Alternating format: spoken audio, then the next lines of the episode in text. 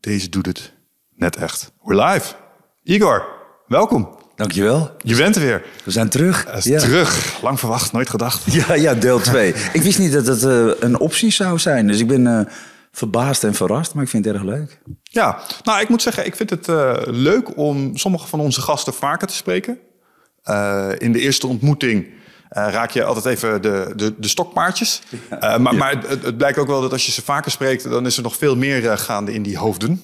Eh, en, en daar kun je dus nog allerlei fantastische inzichten uithalen. Dus nee, eh, het feit dat we het al één keer hebben gedaan, eh, neemt niet weg dat we hier niks stofs eh, kunnen ontaarden, wat mij betreft. Nou, let's go. Ja. Ehm, nou ja, laten we bij het begin beginnen. Ehm, sowieso, voor de mensen die jou niet kennen, ehm, die, die de eerste aflevering nog niet eh, hebben geluisterd, eh, wie is Igor Beuker? Waar kennen mensen jou van?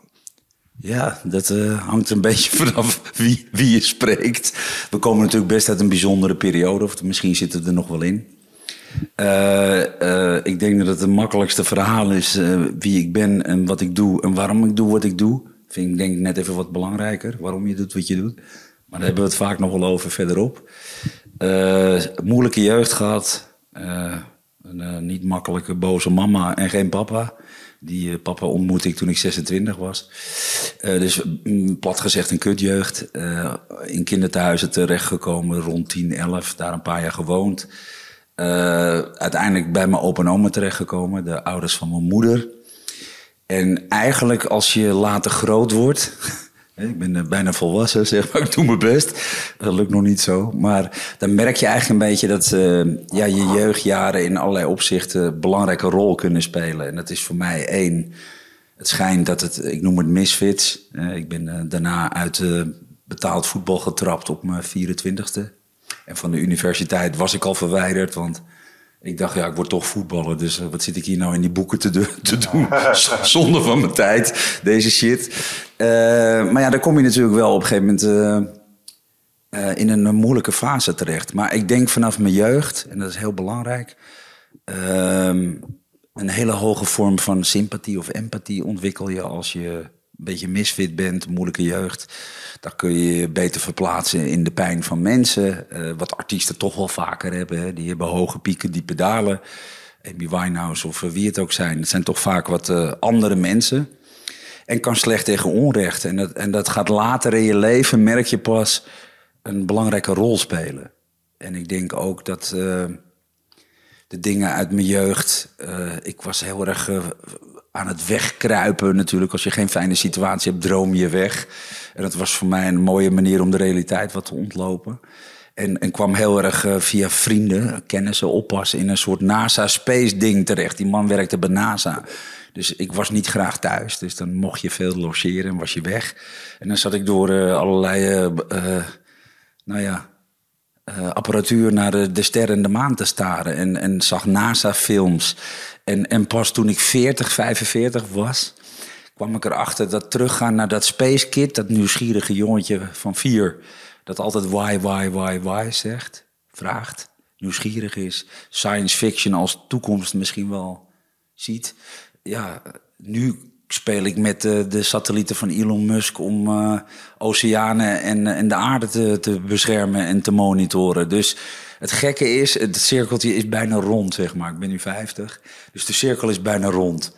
Maar, maar dan moet je wel langs wat wegen en paden wandelen... waarvan je later pas snapt dat het in je jeugd geworteld is misschien of zo. Ja. Ehm, ken je de auteur Robert Greene? Ja, Ja, zijn boek Mastery. Ja, Daarin zegt hij, een van de belangrijkste dingen die je kan doen om mastery te bereiken, is terug naar je kind zijn. Ja. Dus doe die shit die je als kind deed. Want dat was blijkbaar wat je het tofst vond. Want dat, dat, als kind ben je zo, natuur, eh, zo natuurlijk onbevangen. Dan ga je automatisch Ja. die passietjes achterna. Ehm, en als je echt meester wil worden in wat je doet, dan incorporeer je tenminste aspecten van dat in wat je doet. En dat hoor ik hier. Ja, maar dat is eigenlijk meer een per ongeluk proces. Ik lees en, en kijk en natuurlijk veel documentaires en, en eh, het leven van mensen. Wat zijn nou drijfveren? Wat, wat zijn nou echte superpowers of oerkrachten van mensen? Waarom eh, gaat Mandela 28 jaar de cel in, in de strijd voor? Waarom is een Malala eh, riskeert haar leven omdat ze zegt... fuck you Taliban, ik, ik ben slim, ik ga naar school en zoek het uit. En, en dat zijn toch mensen met een ja, soort extra kracht, die ook ja, vaak een cause of een missie of een doel hebben groter dan zichzelf. En uh, het werd me alles verweten in mijn leven. Een soort uh, licht masochistisch, semi-altruïstische inslag. Maar dat klopt misschien ook wel. Alleen, uh, ik kan het nu heel goed plaatsen. En, en ik weet ook dat eigenlijk als een missie onmogelijk wordt voor mij... dan wordt het pas interessant. En dat is ook een beetje de aard van het beestje... wat je meeneemt uit je jeugd misschien. Ja, volgens mij heet dat een heldencomplex.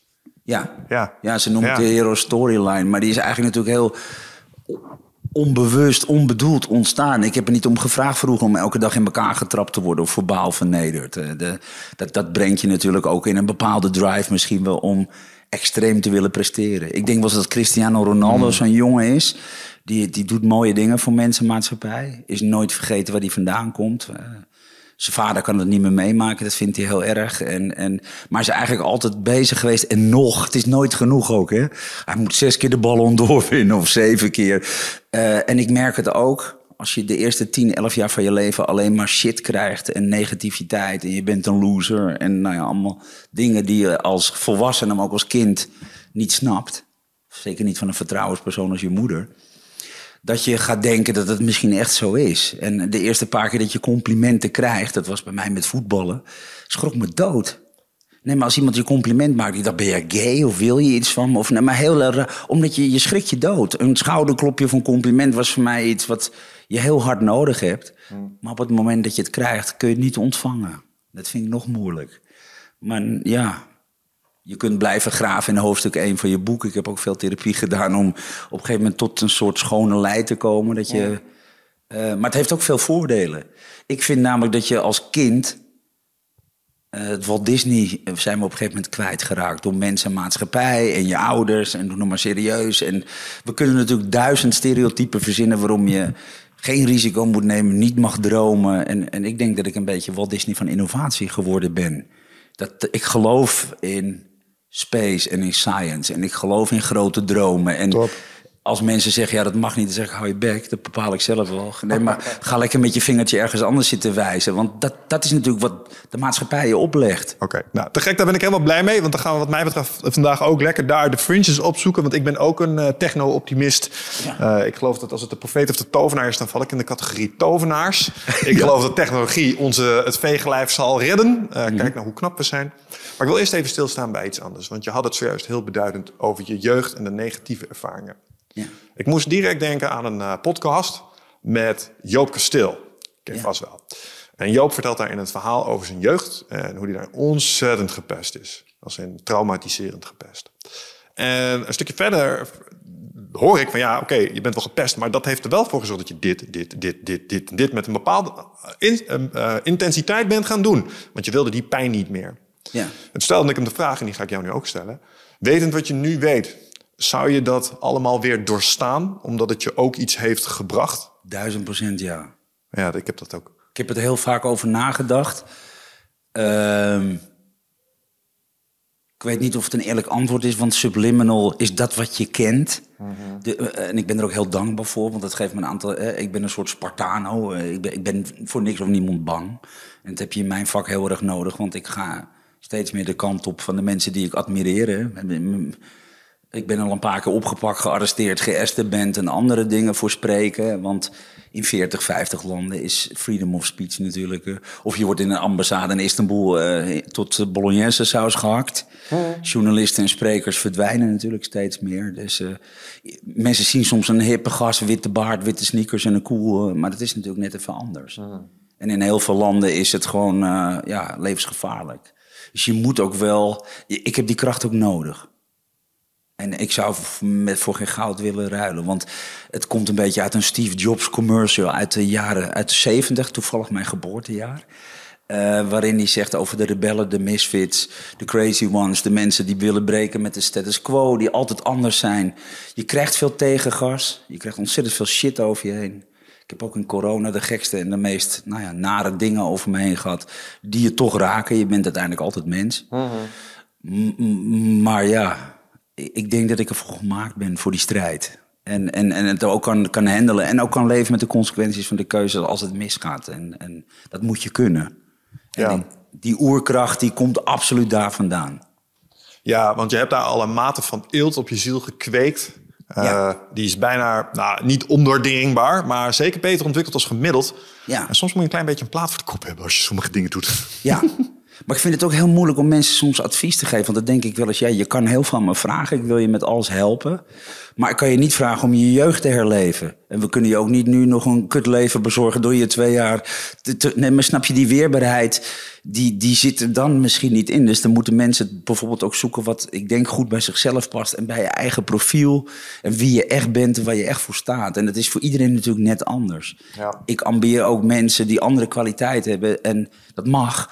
Maar of ik nou eh, dat ook kan, dat weet ik niet. Want die mensen hebben een hele andere historie, een ander verleden en andere superpowers opgebouwd. Ja, ik, ik denk dat je, zoals met alles, is het een. eh, je koopt het met iets. Dus deze, want ik denk dat als een boel mensen naar je kijken, ze, inderdaad zien ze, hippe gast, komt Ja. op toffe plek is, met eh, fantastische dingen bezig. Ehm, dat vergt eh, eh, een bepaalde intensiteit, maar ik denk dat je het terugkoopt met een gebrek aan rust. Want het is altijd aan, denk ik. En het is nooit af. Want de, de- als je dit hebt bereikt, dan is het het volgende Ja. ding weer. Dus mensen kunnen daar wel naar kijken van... oh, ik denk dat ik het ook zou willen. Ehm, ja, weet het niet, man. Want er zit ook een stukje onrust in je ziel... eh, wat nooit helemaal weggaat. En dat hebben die mensen dan juist wel weer. En dat benijd ik dan wel weer eens. Dan kijk ik naar, ik denk, wauw, dat ik dat kon, man. Ja? Ja. Nou, ik denk ook wel eens in, in als ik het in stukjes ophak, maar wat ik mensen wel eens adviseer, alleen doe wat bij jou past, ook op dit moment van je leven. Kijk, ik, ik ben 50 en ik was vroeg gangster. Ik ben uit betaald voetbal ge- geschopt en dat was mijn passie, mijn droom, mijn identiteit. Dat was mijn alles. Mijn eerste woord was bal. Ik, ik zei 26 keer bal, bal, bal, bal. Eh, Als jongetje van één. En dan zeiden mensen tegen me, oh, maar is, is hij autistisch? Of hij zegt... nee, maar serieus, hij zegt steeds bal. Ik kan me herinneren dat ik dacht, ja, zijn jullie autistisch? Want als iemand honderd keer bal zegt, nee, dan moet je geen bal aangeven. Zijn jullie gek? Dus het is heel pragmatisch al. Maar als dat onder je vandaan getrokken wordt, het tapijt... en je valt keihard op je bek en je bent alles kwijt... Hè? van misfit, die straatjog, vaak geen eten, geen elektriciteit... geen warm water, geen licht, geen, geen... Met voetbal kon ik me onderscheiden. En ook voor het eerst een keer financieel op eigen benen staan. En als dat plotseling door je eigen schuld... Hè? een slaat aan mentaliteit, maar niet de kwaliteit... Ja, dan word je eruit getrapt. En dan sta je opeens op je 24e op ground zero... en kan je niks, heb je niks. En, en, en dan moet je weer opnieuw. En toen heb ik wel eens gedacht bij mezelf... ja, dit is het zwarte gat. En, en, en nu? Want nou moet je dus helemaal... Je hebt eraan geroken, je hebt het aangeraakt... je bent er eigenlijk al half... en dan word je helemaal naar beneden geflikkerd. Nou, dan, dat, dat opkrabbelen... en dan kom je weer bij mij. Waarom moet ik nou zo nodig... nou ook een zesde ballon door in public speaking...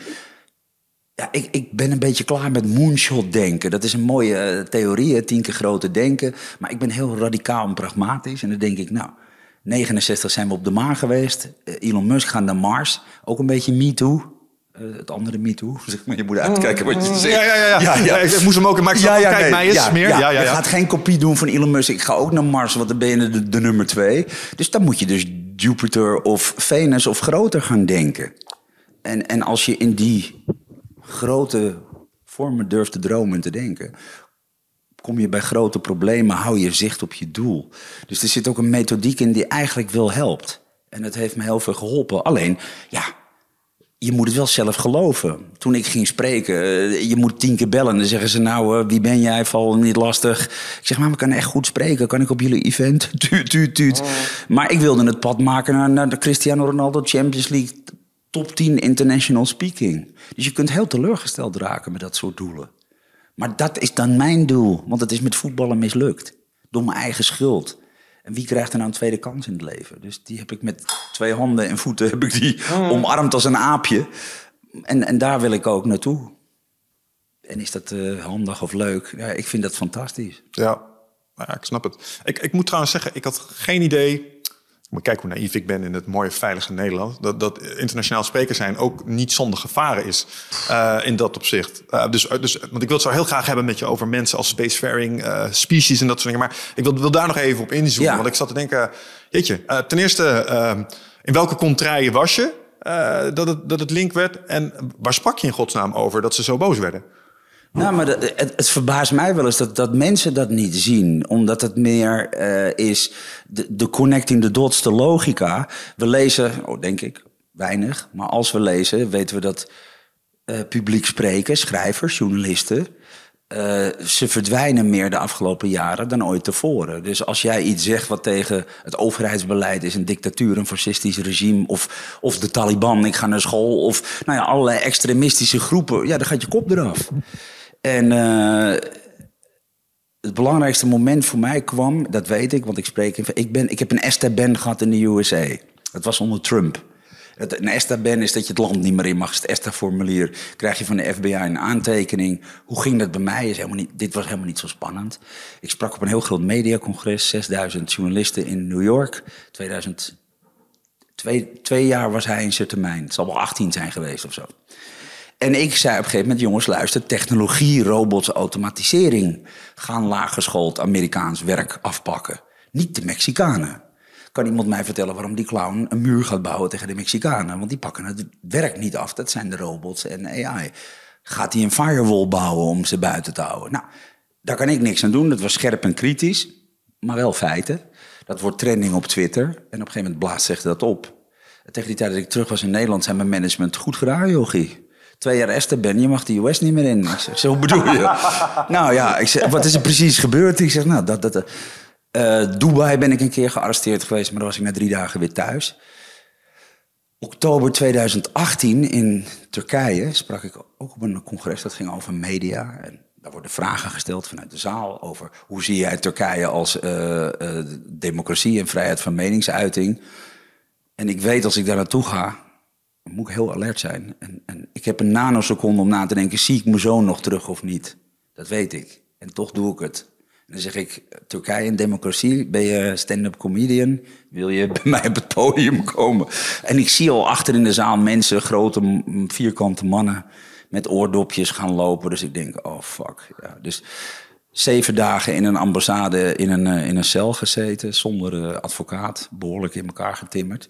En dat was zes weken nadat uh, die Syrische journalist, Jamal Khashoggi, die had iets geschreven over het koninkrijk en de prins van Dubai, werd in de ambassade van de Arabische Emiraten in Istanbul in mooitjes gehakt.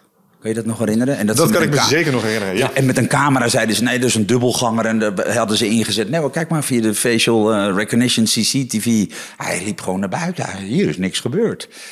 Op dat niveau kom je. En dan zit je zes weken na zo'n incident zit je in een ambassade in Istanbul. Ja, dan gaan je filmpjes wel een keer voorbij. En, eh, en, en, en dit wordt steeds erger natuurlijk nu. Want ja, in sommige landen, als ik in Iran op het vliegveld kom in Teheran, dan, dan word ik meteen opgepakt, dan kom ik nooit meer buiten. Omdat je dingen schrijft en zegt. En gelukkig nemen ze nog niet de moeite om naar mij toe om langs te komen. Hey, ja. what's up man? Ja, maar tegenwoordig ben je natuurlijk... Ja, journalisten verdwijnen ook. En, en die komen nooit meer terug. Of die gaan gewoon zonder proces in Rusland of in andere landen. ga je gewoon 20, 30 jaar de bak in. Ik hoop dat dit niet doorlukt naar de podcastwereld. nou ja, vrijheid van meningsuiting is natuurlijk wel steeds meer een gevaarlijk iets geworden. Ja, staat, wel, staat zeker onder druk. Ja. En ik zou liegen als ik zei dat ik niet, nou ja, uh, daar ook wel eens over nadenk. En er zijn sommige dingen waarvan ik ook denk, nou ja, misschien zijn dat onderwerpen. Je kan het, natuurlijk zou je het erover kunnen hebben. Maar je weet ook wel dat je een bepaald soort uh, wormenblik opentrekt voor jezelf. Ja. Hè, als je bijvoorbeeld uh, bepaalde oppressieve regimes uh, bij naam en toenaam gaat noemen... dan ga je even lekker uit uh, ja. veel te vooral met hypocrietisch als Nederland... om daar zaken mee te doen. Ja. Ik kan me niet anders voorstellen dat je dan op een lijstje komt. Ja, ik, ik, ik expose ook de merken die partners zijn van het World Economic Forum. Ja, dus daar word je nooit meer geboekt. Bij mij, nou goed, nou was de pandemie toch al twee jaar, tweeënhalf jaar voor artiesten ellende op de bank zitten. Uh -huh. Maar er komt bij mij natuurlijk nog overheen dat als je, ja, eh, ik zoek ook de influencers op en probeer die te exposen die geld aan hebben genomen van Hugo de Jonge. Want ik vind mensen verkeerd voorliegen en, en verkeerd informeren bewust. Vind propagandacensuur is, is het allergevaarlijkste wat ik, wat ik ken. En dat komt ook weer uit mijn jeugd. Mijn opa oma bracht het parool rond in 243 als illegale krant. Verboden door de Duitsers. En dan zei ik als jongetje van zeven, maar, wie gaat er nou een krant rondbrengen als ze je doodschieten? Nou, zei mijn opa oma, daar ben je nu toch te jong voor.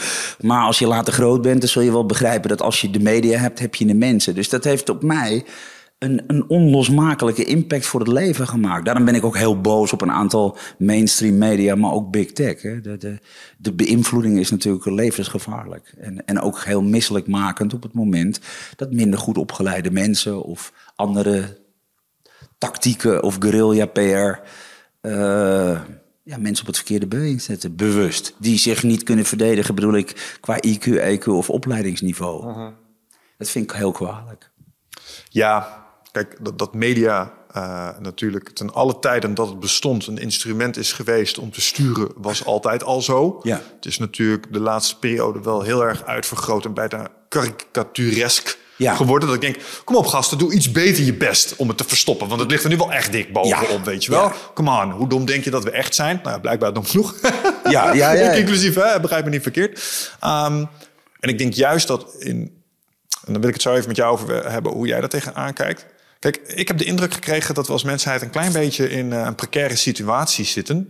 Uh, en ik ben heel erg de mening toegedaan dat hoe we nu onze informatie en oplossingen en falen aangereikt krijgen, cruciaal gaat zijn voor de komende 20, 30 jaar.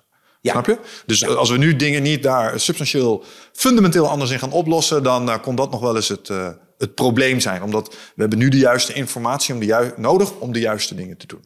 Daar ben ik stellig van overtuigd. Ik twijfel daar soms zelfs over. Weet je waarom? waarom? Ik, ik had voor, uh, vorige week, 30 juni, in Wenen voor het eerst een groot congres na 2,5 jaar. Dus ik was nerveus, gespannen. Uh, de naweeën van alle disproportionele maatregelen zijn dat je vier uur op Schiphol moet wachten, twee vluchten gecanceld wordt en bijna niet meer op je evenement komt. Dus nu kan het eindelijk weer en dan kom je er bijna niet. Dus dat is voor internationaal natuurlijk uh, een grote bottleneck. Maar ik dacht, ga ik het doen of niet? En het was een evenement wat, wat ook nog eens uitgezonden werd op de Duitse en Oostenrijkse televisie. En een livestream. Uh, dus de druk is hoog. Hè? Je bent op dat moment, voel je ook weer dat je denkt, fuck, ik kan het nu ook voor goed verpesten. En ik ben niet, uh, als je Ronaldo tweeënhalf jaar op de bank zet dat duurt een half jaar voordat hij in zijn ritme komt. Van ons wordt er weer verwacht. We gooien, gooi er een kwartje in. En je bent weer uh, in Champions League. Voor. Kom op, aapje, doe je trucje. Ja, ja, ja. En er stond de George Clooney in de line-up. Dus het was ook nog eens extra druk. Zelensky kwam in de line-up. Nou, en ik heb daar natuurlijk toch een, een verhaal in. Wat, wat ja, precair is. Zeker in de Oostenrijkse en de Duitse markt. Zwitserse markt. Moet ik erg uitkijken wat ik zeg. Nou, dat doe ik natuurlijk niet. Maar ik bracht daar ook kort een verhaal over mensen. En ik zei ook, het ging over innovatie en over inclusion, diversity, vrouwen, women empowerment. Nou, en, waarom heel veel bedrijven zo falen en zo moeilijk een afspiegeling kunnen maken van de echte maatschappij. Hmm. Uh, oude, vooral oude witte mannen die dat allemaal tegenhouden. Zij de oude witte man. Ja, ja, ja. Nou, dus ik mocht dat ook prachtig doen. Dus durf je dat? Ik zeg, ik wel. White male 50 plus, bring it on. That's what I am. Maar ik zei ook, wie van jullie zit er op Instagram? Nou, de hele zaal natuurlijk, 6000 man zo. Uh, ik zeg, wie van jullie volgt de Kim? Kim Kulo met de dikke billen. Eh, 320 miljoen volgers op Instagram op dat moment. Kim Kardashian. Uh, dikke kont sekstape, fake huwelijk. Niet, voor mij niet altijd het rolmodel van de toekomst. Hè. Ik zeg wel eens how to get rid of the Kardashians. Of stop making stupid people famous. Mensen gingen heel hard klappen. Maar ik zeg Malala Yousafzai, die, uh, dat Pakistaanse meisje, die, die zei... Uh, jongens, ik ga wel naar school. Kogel in de hoofd, Nobelprijs. Uh, strijden voor, voor women empowerment en educatie. wat doen wij? Wij, niemand anders. Niet de oude witte mannen, niet de media, niet de overheid. Wij als mensen wij volgen haar eh, met 2 miljoen mensen. Dus als je de Nobelprijs wint en strijdt voor women empowerment, laten we je links of rechts liggen, dan ben je een idioot eigenlijk. Niet interessant. En als je dikke billen hebt en, en, en, en zo snel mogelijk probeert Forbes miljonair te worden. Uh, en, en alles is uh, plastic fantastic en fake. Dus dat doen wij. Uh -huh. En als wij de generaties zijn die dit soort rolmodellen blijven maken, ja, dan valt er niks meer te wijzen. We kunnen naar iedereen wijzen, want dan wijzen drie vingers terug. Wij. We hebben social media. We kunnen daar de meest belangrijke sociale problemen ter wereld op, mee oplossen. En we trenden Justin Bieber, Kim Kardashian en. en dus ja, voor mij is de weg nog veel langer en psychologisch ook veel dieper. Ik denk dat dit echt rolmodeling is voor mij heel belangrijk. Wat ik heel moeilijk vind in corona is dat we zoveel liegen. En liegen is nooit goed. En liegen is fake it till you make it. En liegen geeft twee jonge generaties het voorbeeld als rolmodel. Ja, eh, waarom zou jij dat ook niet gaan doen? Als de politici en de leiders van het land dit doen en de influencers worden er rijk mee. Wat geven wij voor signalen af? En... Ja, ik snap het helemaal. Ik heb hier lang over nagedacht. En ik denk, het is inderdaad menselijk gedrag. En wij zijn het. En je had het daar straks over de hero's journey. Mhm. En ik denk dat de only way out is realiseren dat we in een uh, redemption arc zitten. Ja? hero's journeys kunnen verschillende patronen volgen. En één ervan is waarbij de, de eh, protagonist, de held, uh, van het pad dwaalt.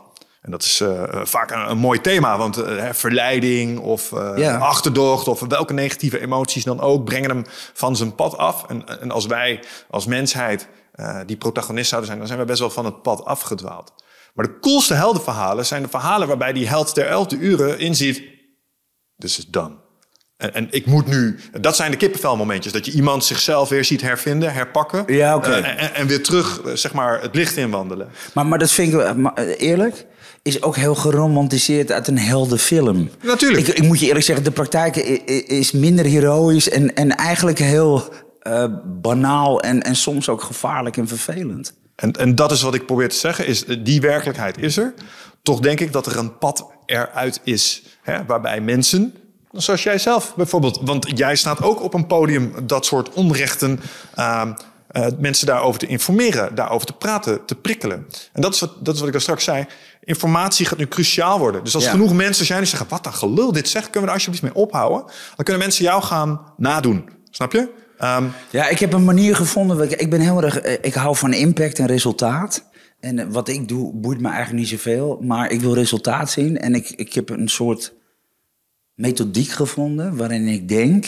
En dat hoop ik, en dat is ook een beetje de missie natuurlijk. Dat ik met artiesten en atleten en sociale ondernemers een groot verschil kan maken in de wereld. Als je die mensen mobiliseert, uh, dan heb je eigenlijk World Economic Forum en de politiek en, en, en, heel veel dingen niet nodig. Waarom moeten we altijd wachten? Ik bedoel, wij doen programma's met een Novak Djokovic... die uit zichzelf graag dingen teruggeeft aan kinderen en educatie.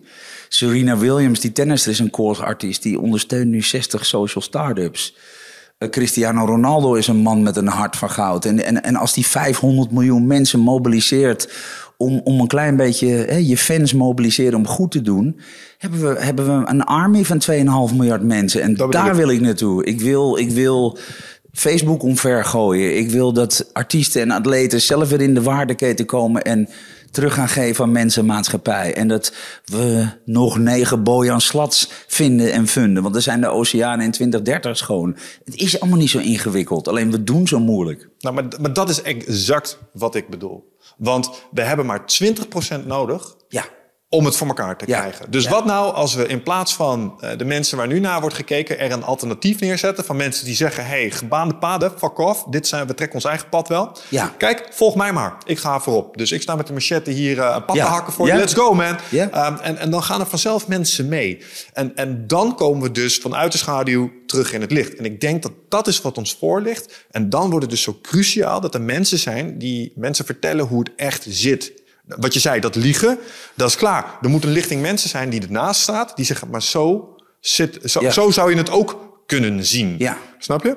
Even los van superwoke denken, even los van allerlei virtue signaling. Maar er, er, moet een alternatief maar verhaal zijn. Maar de tijd is misschien wel rijp. En dit is misschien ook wel tijd voor het keerpunt. En ik heb de, het grote geluk en dat is het verschil tussen influencer zijn en influential zijn. Uh, ik wil geen influencer zijn, ik, ik, wil geen geld. Ik zal nooit geld aannemen voor wat dan ook.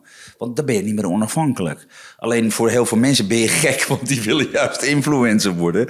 Ik wil dat absoluut niet. Ik wil, ik wil authentieke verhalen brengen en mensen... Ik wil onrecht de wereld uitdoen. Uh, ik noem het het Big Tech Mafia Syndicaat omdat ze artiesten afknijpen, uit, afromen uit, als een citroen. 30% Apple, uh, Spotify, 47% Zuckerberg in de metaverse. Uh, je content wordt gecensureerd of op zwart gezet. En vervolgens heb je fans on lease. Want als je met je eigen fans wil praten als artiest of atleet... dan moet je eerst Mark Zuckerberg betalen voordat je met je... Ja, het is natuurlijk een situatie waarin... Dus daar moeten we uit. En ik wil ze heel graag helpen. Ik, wil, ik hoef daar niks voor. Alleen als je in een to-do-good programma meedraait. Als je je NFT to-do-good doet. Als Cristiano Ronaldo zegt, jongens, allemaal een dollar per jaar. Dat is 500 miljoen per jaar. Dan gaan we heel Afrika opleiden en leren voetballen. What about that? We hebben helemaal geen politiek nodig, jongen. Als we die movement maken met z'n allen. Waar moeten we op wachten? Die hapsnurkers zitten toch nog tien jaar te vergaderen. En, en die hebben hele andere belangen.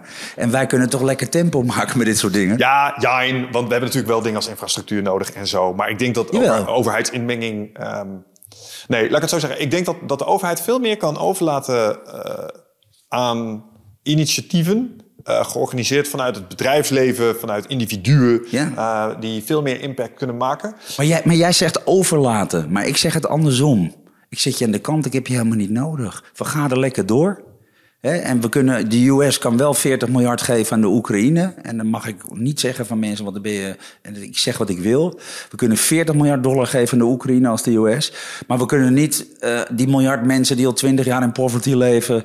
de kinderen van een vijandersbelt vreten. Daar kan, niet, daar kan geen geld naartoe. Nou, in mijn verhaal je kan van zeggen wat je wil, maar het gaat bij mij gaat het er niet in. En ik, zal het ook, ik zal het ook nooit accepteren dat we zulke misstanden. Dus de politiek heeft zijn kansen gehad. Ja, maar dat is wat ik bedoel. Dus uh, zijn we nou toch voor, wij zouden bepaalde dingen doen, kosten dan aan die kant minder geld, kunnen we die middelen kunnen we weer elders inzetten. Ik wil het wel eens uh, misschien nu of een stukje verderop even met jou hebben over hoe je denkt dat we dit beter zouden kunnen vormgeven. Want ik, ik heb ook naar de laatste periode gekeken denk, ja, besluitvorming, het is toch van de zotte. Hoe kunnen we nou met z'n allen zeggen, oké, de wereld zit in de fik en nu gaan we toch weer meer kolen stoken met z'n allen. Of eh, we gaan bepaalde besluiten nemen over biomassa, waarvan ik denk, hé, hey, dit staat haaks op wat we eigenlijk, snap je? Dus hoe, hoe lossen we dat nou op? Want er zitten daar inderdaad een aantal knakenpoetsers op plekken die blijkbaar geen verstand van zaken hebben of willen hebben. Om, redenen, want eh, ik vind het heel mooi, eigenlijk zou elke politicus net zoals met de F1, een jasje moeten hebben waar al zijn sponsoren op staan. Ja. En dan gaan we anders met ze om, denk ik. Ja, tuurlijk. Ja, dus um, ik ben wel eens benieuwd. Ook eh, gelet op, want ik denk dat technologie hier iets in kan doen. Hoe zou jij nu besluitvorming van een staat als Nederland vormgeven even off the cuff, waarbij we dit tackelen. Waarbij we dus wel iets van een democratie hebben, waarbij wij als mensen iets oh, maar daar heb ik hele andere ideeën over. Hoe zou je dat doen? Nee, al heel lang. Maar, maar, maar dan word je op de brandstapel gezet. Maar nou, let's go, man.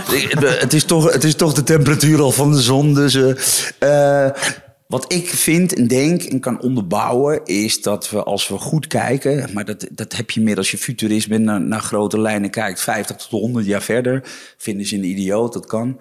Ik vind en denk al heel lang, voordat dit begon, al twintig jaar, dat onze uh, educatieve politieke en financiële systemen gebouwd zijn van de 20e eeuw. Dat betekent dat je nu niet een paardenwaardige gaat rijden, maar bijvoorbeeld in een Tesla. Dus ik zou die systemen upgraden. Wij draaien nog op iOS 3.01 of Windows 3.0. Dus dan, dan ga je van het grote systeem af. Je disconnect, je moet upgraden. Ik geloof ook vooral in het politieke systeem, waar dan ook. Niet meer in een partijstelsel als in Nederland. Ik geloof niet in Amerika blauw tegen rood. Ik geloof niet in Engeland waar er twee partijen zijn. Het enige wat je doet, killing voor innovatie om een land. Uh, we willen allemaal naar een mooie, schone, groene toekomst toe. Dat kan alleen maar als alle neuzen één kant op staan. En niet met de populistische partijen die om de vier, vijf jaar herkozen moeten worden. Als jij in Engeland of in Amerika gekozen wordt als politiek, dan gaat de oppositie vier, acht jaar aan de kar hangen om alles tegen te houden. Dat doen we hier met de oppositie. dus de systemen zijn eigenlijk gemaakt om vier jaar een beetje aan te prutsen en te knoeien. In de hoop dat je weer verkozen wordt voor de volgende periode. En daarna gaat de volgende partij komt aan de macht en die breekt alles. Dus je hebt geen koers. Dus ik zou het heel anders doen. Ik zou de democratie maken voor een aantal lokale, regionale en andere beslissingen. Maar een bestuur aan een bedrijf, een board, een land is een BV, innovatie, waarin uh, mensen zitten van andere kwaliteit. Heel eerlijk, ik bedoel, ja, je kan van de politiek ook niet zo heel veel verwachten op dit moment natuurlijk. Want wat voor kwaliteit en ervaring zit er nou in? Mensen die dit nog niet eerder gedaan hebben, die, die, uh, en natuurlijk ook vanuit hele andere uh, redenen. De overheid is natuurlijk heel erg bezig om alles aan banden te leggen. En, en een soort model waarin uh, de overheid je voedt als het slecht met je gaat. Een soort afhankelijk nieuw communistisch model. Dus ik denk dat het sowieso, los van waar we nu mee bezig zijn, we doen het al heel lang verkeerd, maar we willen ook niet anders. Want verandering is eng en nieuw en brengt de gevestigde orde Dat hele grote apparaat, Verenigde Naties, World Economic Forum, de politiek. Dat brengt allemaal grote mensen, partijen, lobbyisten en waardeketens in gevaar. Dus dat, dat, dat gooi je ook niet zomaar om. Hmm. Dat, dat is natuurlijk een heel sterk bolwerk geworden, wat inmiddels gewoon een machtsblok heeft, wat je bijna niet meer kunt doorbreken. Nou, alles, alles kan kapot, dat is één. Ja. Dus uh, ik weet niet of dat waar is. Um, wat ik me afvraag is, in, in, het model wat je omschrijft, hè, um, kind of makes sense. Wat, een van de dingen die ik super slim vind van China, waarom, waarom ik China een, een, uh, een macht vind waar je echt rekening mee moet houden, is zij spelen het lange spel. Ja. They play the long game. Zij denken over 100 jaar. Oh, dit, dit hier in deze vijf jaar, uh, dat is een skirmish. Dat is een matter, man. Laat maar, win maar. Denk maar dat je wint. Um, en, en dan gaan ze voor de lange termijn. Dus ik denk dat een lange termijn visie uh, ontzettend belangrijk is. Want we zijn nu uh, eigenlijk allemaal kleine tactische dingetjes aan het doen... om maar je eigen agenda eigenlijk ja. te vullen. Dus dat is het ding. Die board of directors waar je het over hebt... Maar dit geldt ook voor Dubai, Riyadh. Ja, nee, voor alles. Eigenlijk alles wat uit de underdog hoek komt, wat er groot wil worden, wil groeien. En, en, en niet laf, lui, arrogant en lazy is. Maar nog de power heeft om te willen groeien. Ik kijk naar 50, 100 jaar verder, natuurlijk. Oké, maar die board, ja, waar komt die vandaan?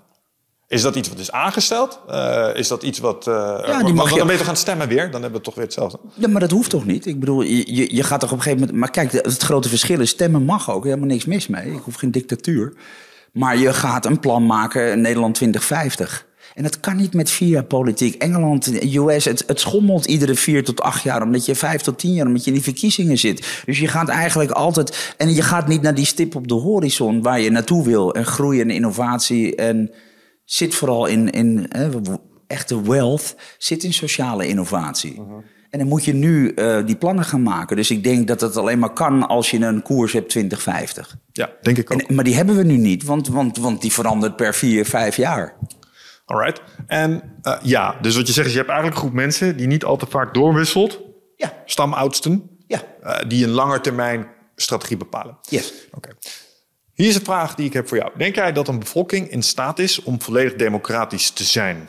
Gelet op het feit dat je er straks ook al zei dat niet alle mensen evenwel geëquipeerd zijn qua IQ, EQ en opleiding. Nou ja, dat is wel eens grappig. Als je er opnieuw naar durft te kijken, naar, naar de wereld opnieuw neerzetten. Wat zou je met een democratie allemaal willen kunnen? Nou, stel je voor, ik heb hier, mijn oplossing was de volgende. Uh, ik heb technologie, dus ik kan uh, in principe veilig stemmen. Daar ga ik even vanuit. Ja. ja? Dus uh, jij als burger kan op thema's kan je ja of nee zeggen. Mm -hmm. En ik denk niet dat wij als burgers echt super in staat zijn om buiten 10 kilometer afstand van onze postcodegrens uh, dingen te vinden. Snap je? Dus we zijn best wel lokaal. Ja. Um, en, en, ik zou bijvoorbeeld best wel uh, systemen kunnen bedenken... Ja? Die, die je meer invloed geven op dat lokale. En dan niet via gemeenteraden, misschien zelfs ook wel op landelijk niveau. Wat ik graag zou willen is dat ik met mijn DigiD... gewoon kan stemmen op dingen die ik belangrijk vind. Ja, dus er wordt gewoon een vraag geponeerd. We gaan wel of niet het aantal asielzoekers ophogen naar 750 per dag. Ja, nee. Ja, okay. gewoon zo, zo plat. En dan, dan zijn er uh, vier, vijf stromingen binnen onze politiek. Wilders, weten we direct van wat hij gaat zeggen. Ja. Maar ook uh, de wat socialere partijen. En die mogen eigenlijk gewoon op dit standpunt... mogen ze hun gegevens, feiten en visie mogen ze geven. Jij moet die filmpjes kijken voordat je mag stemmen. Nou, ik denk dat dat heel belangrijk is, want iedereen heeft een mening. Ja. Maar als we nou de kennis, de kunde, de informatie hadden en de tijd om. Eh, ja, en, en, dan moet je dus je stem uitbrengen. Ja. En dat hoef je niet overal op, want anders zit je de hele godganse dag van die filmpjes te kijken. Maar iedere burger heeft als plicht om tenminste. Ja. Want je bent een citizen, hè? net zoals het goede oude Rome. Uh, daar was het ja. verkregen recht. Dus dat was niet vanzelfsprekend. Dus ik heb wel zitten denken: kunnen we niet dat soort cruciale besluiten echt à een referendum digitaal gemanaged vaker bij een bevolking neerleggen. Denk je dat zoiets ja, kan werken? Net, nee, hoeven we niet meer over te hebben. Hebben we net weggehaald. Het referendum is net weggehaald. Dus ja, in theorie kan alles. Maar het gebeurt niet meer. En waarom niet? Het feit dat het nu niet gebeurt, vind ik niet belangrijk. Nee, nee, nee. Uh, het gaat me om de optimale oplossing. Ja, nee, maar dan zou je alles op, op, op, de schop moeten zetten. Dit zijn gewoon systemen uit het jaar kruik. Ja, en dat geldt ook voor financieel, maar dat gebeurt natuurlijk niet. Want blockchain is transparant, smart contracting. Ik heb het niet over de crypto-hype, word je rijk van, uh, van digitale apen, NFT's of uh, van, van bitcoin-speculaties. Ik heb het erover dat onze financiële systemen zijn 200 verschillende muntsoorten, wisselkoersen. Blockchain maakt alles transparant. Uh, smart contracting. Artiesten kunnen met NFT tegenwoordig hun IP en hun eigen rechten hebben, zijn niet meer afhankelijk van. Wat gebeurt er? Centrale banken grijpen in, overheden grijpen in. In China liggen alle, eh, alles aan de, de wurgketting van de staat. De hele crypto-Bitcoin community is uit China weg. Die gaan allemaal naar Singapore. De, de, de koek wordt opnieuw verdeeld. En decentralisatie en power to the people, wat dit soort nou ja, ontwikkelingen, systemen, platformen, Bitcoin en, en ook crypto geven die decentralisatie en die verdeling van die macht, die wordt natuurlijk keihard teruggepakt door die partijen die centralisatie van de macht willen en controle. Oké, hier wil ik het even over hebben. Want uh, ik heb wel eens uh, gedacht, hey, als we alle problemen waar we in zitten goed willen navigeren, van een, klimaatsverandering ja? tot schaarste, tot het verdelingsvraagstuk, dan ontkom je niet aan um, benign dictatorship. Met andere woorden, als je naar de hele wereld kijkt, kijk naar al die naties, kijk naar al die muntjes ja, Star Trek, ja, vast wel bekend, ja. hebben ze dat opgelost. Ja. Gewoon een wereld, dus heb je aarde. En dat is gewoon één entiteit. Maar ik hoor je ook al een paar keer zeg maar, wat subliminal shots afvuren op BF. Wat volgens mij een eerste stap is richting zoiets. Het is de eerste en de laatste stap. Ja, dus... En, en, en, en dat staat er ook heel helder. Ik bedoel, als je een beetje kunt lezen. Ik weet, ik weet niet waarom de media dat twee jaar niet wilde vinden. Maar het staat er gewoon. Alleen als, je, als ik de, de Agenda 2030 publiceer, word ik van social media afgegooid. Terwijl, terwijl het gewoon een rechtstreekse kopie is van het origineel wat uit die dingen komt. Dus ik denk ook dat op dit moment heel duidelijk is in de wereld waar het naartoe gaat. En uh, ja, daar hoef je niet voor afgestudeerd te zijn. Nee, maar wat zeg je dan? Dus er gaat een soort wereldoverheid komen en die nee, gaat... Nee, nee dat, zeg, nee, dat zeg ik niet. We, we raken gewoon al onze vrijheden kwijt. We worden China. Dat riep ik al uh, april 2020. En dat is al heel lang bekend. Ik bedoel, wij zijn ook wel een klein beetje naïef. Mensen zeggen tegen, ja, dat meen ik serieus. We kunnen totaal. Er zijn heel veel mensen die heel hard roepen. Maar, maar niet zo heel veel kennis hebben. Ze zei tegen mij, hoe kan je dat nou zeggen dat we China worden? Ik zeg, nou, dat is een goede vraag. Nu stel je een vraag, dan kan ik je het antwoord geven. De ander zei, ik hoop dat je doodgaat aan kanker en corona. Dat, dat, dan krijg je er ook duizenden van.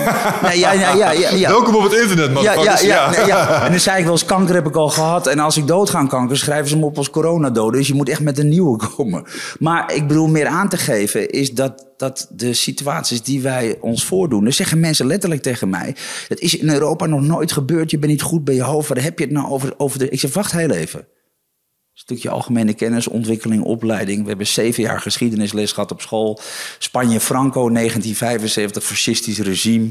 De Guardia Civil bestaat er nog steeds. Dat was het privéleger van Franco. Goed, misschien heb ik beter opgelet bij geschiedenis, maar dat zit gewoon in je basispakket. Uh, de Berlijnse muur, 1989, het oude DDR, Oost-Duitse bewind. Waar ik heb staan dansen op de ruïnes van de Berlijnse muur met Love Parade. 1989, hè? Is niet honderd jaar geleden. Als je hier je hand uitsteekt, kan je Berlijn aanraken. Het zijn onze oosterburen. Dus wij, wij, wij snappen helemaal niet. Wij zeggen gewoon, ja, dat is in Europa nog nooit gebeurd. Dus je hoeft het niet te vergelijken met de Tweede Wereldoorlog. Die gaat veel te ver. Maar Spanje en, en, en, en de DDR, Berlijn achter de muur. Uh, nou, is vrijheid niet ons grootste goed? Zeker? Zijn we in de geschiedenis niet al eerder? Dus waarom.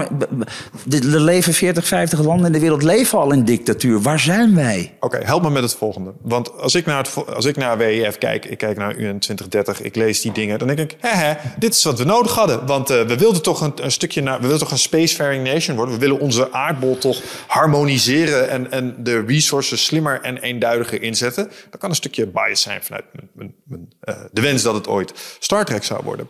Waarom? Uh, en, en, dan denk ik, dat is benevolent. Snap je? Dus als ik die agenda lees, dan denk ik, oh, makes sense to me, some of these things. Wat lees ik niet tussen de regels door dan, volgens jou? Wat zie ik onvoldoende? Want ik heb het gevoel dat ik nu dat, dat, ik, dat ik iets niet zie. Nou ja, ja, ik weet niet of we nog meer willen zien. Maar ik zeg wel eens exponentiële technologie. They gave us clues. Exponential, tien keer sneller. Wat begrijpen we daar niet aan? Ja, ik weet niet of het zo snel gaat. Uh, idioot, exponential betekent toch al honderdduizend keer sneller. Uh, als zij zeggen, you will own nothing and you will be happy, they gave us clues. But you will rent it as a service, is de zin die daarachter hoort. Nee, ze pakken gewoon alles van je af. De overheid... Nee, nee, nee, ho, ho. Ze zeggen, you will own nothing, will be happy. En dan is er nog een komma. Maar wie will... bepaalt voor mij dat ik happy ben? Hou je bek. Nee, maar you nee, will rent it as a service. Nee, met tweede zin van dat ding moet je... Je moet gewoon je bek houden. Ik bepaal zelf of ik happy ben. Nee, sure, tuurlijk. Nee, maar, nee, maar, maar, maar, daar hoeven geen overheidsprogramma's voor te komen. Dus dat tweede stuk is sowieso al raar. Wat, wat bemoei je mee? You will be happy. Ja. Dat ga jij voor mij bepalen. Maar gaat nu niet gewoon je innerlijke rebel aan? Want stel je voor, ze nee. hadden dat eerste ding niet gezegd, hè? Nee. Stel, ze hadden niet gezegd. Nee, maar wat bemoei je zich mee? Nee, dat snap ik, joh. Maar stel, je had niet gezegd als WEF: You will own nothing and you will be happy. Ja, ze hadden alleen maar gezegd: misschien had, moeten we meer als services aanbieden in plaats van bezit. Was je dan ook zo aangegaan? Ja, wie, wie ben je? maar dan hadden ze niet gezegd, you Nee, maar je happy. bent een particuliere organisatie, je moet gewoon je bek houden. Je hebt helemaal niks met onze democratie te maken. Wie ben je eigenlijk? En wie, wie heeft je verteld dat je met ons moet gaan bemoeien? Ga weg. We hebben niet om je gevraagd. Dus dit- dus er installeert een stel uit het bedrijfsleven zich met lobby en veel geld. En die gaan zich plotseling met de wereldeconomie en, en hoe wij ons voelen en onze toekomst bemoeien. Eh, sorry, hebben we niet echt om gevraagd. Nee, nee, ik, eh, eh, luister, ik, snap het helemaal. Maar als ik, nogmaals, als ik kijk naar de dingen die, die zij zeggen... bijvoorbeeld over het reduceren van ecologische voetafdrukken... ehm, eh, een andere manier van omgaan met werk. Ik lees daar letterlijk dat het doel is van die mensen... meer veiligheid, voedselveiligheid voor iedereen... en, en zorgen dat we een mooie groene planeet hebben om met z'n... Dus nogmaals, welke doelen hebben zij die ik niet zie... Want als ik hun charters lees, even, en ik ken de conspiracy kant ook, hè, begrijp me niet verkeerd. Nee, nee, nee, maar ik bedoel, eh, ik denk dat de intenties heel duidelijk zijn. En jij denkt dat dat geen goede intentie Nee, is? dat weet ik heel zeker. Ik denk Oh. niet. Dat is mijn vak voorspellen. En als je er altijd eh, vrij raak zit, dan zou het heel gek moeten zijn dat je het nu verschrikkelijk mis hebt opeens. Oké. Dus Wa- wa- want als we nu nog niet wakker zijn op de manier waarop dat gaat en hoe zich dat, hoe zich dat ontwikkelt, dan zijn we ook wel een beetje neef met z'n allen. En dan verdienen we het misschien ook niet. Dat is, de, dat is de andere kant van democratie. Hè? We hebben het niet geweten, die hebben we al een keer gebruikt. En, en we staan er met open ogen bij. En, en vrijheid is het voor mij en voor heel veel mensen hetgene waar we altijd voor gevochten hebben. Het hoogste haalbare Sure. goed. En als we dat kwijtraken, dan duurt dat soms 10, 20, 30 jaar. Oké, ik ga je vragen om het nog concreter te maken, want ik ben een kind van vier, dus Ja. soms moet je het mij echt voorkouwen. Welke vrijheid ga ik binnen 50 jaar verliezen als deze gasten het voor het zeggen krijgen? Nou, het agenda 2030 is, o- is over acht jaar, dus niet over. Oké, niet- welke, niet welke 20. vrijheid ga ik binnen Ja. 10 jaar verliezen Nee. als, deze, als ik niks doe nu? Ja, maar ik, ik wil het er ook niet te lang over hebben. Nee, snap ik, maar ik ben Nee. nieuwsgierig, want ik zie blijkbaar Nee, ja, maar kijk naar China. Moet ik nog beter uitleggen of niet? Dus social credit systemen. Mm, Verder dan dat. Verder dan dat. Ja, Hmm, interesting. maar niet interesting. We worden China. Punt. Ja, nou, en als mensen dat niet willen geloven, ook goed. En dan gaan we zeggen, ja, maar dat is in Europa nog nooit gebeurd. Dan geloof je niet. Maar dan moet je de agenda 2030 lezen, want daar staat het wat er gaat gebeuren. Du- du- Dus waarom moeten we het daar nog over hebben? Het is al duidelijk. Alleen dat mensen dat niet willen of niet kunnen snappen, ja, dat is niet met mij. daar wil ik ook geen tijd meer aan voldoen. Want dan is er iets met je snapspier. Of je moet het gewoon rustig afwachten. En dan komt het later wel uit. Oké. Snap je wat ik bedoel? Want, want anders hebben we het eeuwig over een discussie, wel eens niet dus. En dan gaat het al lang niet meer om. Je wil het zien of je wil het niet zien. Ja, Als dit niet duidelijk genoeg is, dan wordt het het nooit. Oké. En dan verdienen we het ook. Want nogmaals, eh, waarom hebben mijn ouders en grootouders voor vrijheid gevochten? Omdat het het belangrijkste goed is wat er bestaat. Ja. En als jij een andere vorm van vrijheid eh, prima vindt en we willen alles opgeven onder controle van de overheid. En als het op basis gaat van eerlijke, zuivere informatie en niet op valse intenties en leugens. Ook prima. Als dat is wat de meerderheid wil, dat is democratie. Ja, laten we eens even uitzoomen. Want de reden dat ik naar het WEF kijk is omdat ik een Ja. mogelijke oplossing zie voor het probleem waar ik mee in zit. Een van de dingen waar jij ook mee bezig bent is bijvoorbeeld de Ocean Summit, eh, Ja. hè, climate change, eh, allerlei fantastische dingen die moeten gebeuren. Waar Ja. we iets mee moeten als mensheid. Ehm, en als een, eh, een oplossing. Maar kijk, daar ga je dus al. WEF en, de, en, en, en privacy en Prins Harry en dat allemaal. Het zijn allemaal mensen met boter op hun hoofd. Juist. Daar staan alleen maar private jets. En je gaat het hebben over climate change. Nou, stop maar met je verhalen. Het is niet authentiek, het is niet echt. En laten we nou ophouden met elkaar, met die onzin. Laten we nou gewoon man en paard benoemen. Oké. Prins Harry gaat het hebben over hoe belangrijk het is. Dat het- en hij vliegt 21 keer private jet dit jaar. Hou je kop alsjeblieft, man. Ah, We zijn wij, nou, wij zijn toch niet allemaal even dom, jongens. We hebben ook gestudeerd, hè. En wij zijn vaak net even slimmer als topondernemers dan een gemiddelde politicus, met alle respect. Dus Ja. waarom moet ik World Economic Forum geloven? Ik ben blij om dit te horen zeggen. Ik had nog een vraag staan voor jou. Ja, ja, ja, Namelijk, eh, hey man, eh, je gaat binnenkort naar de... Oh, even kijken, waar staat die?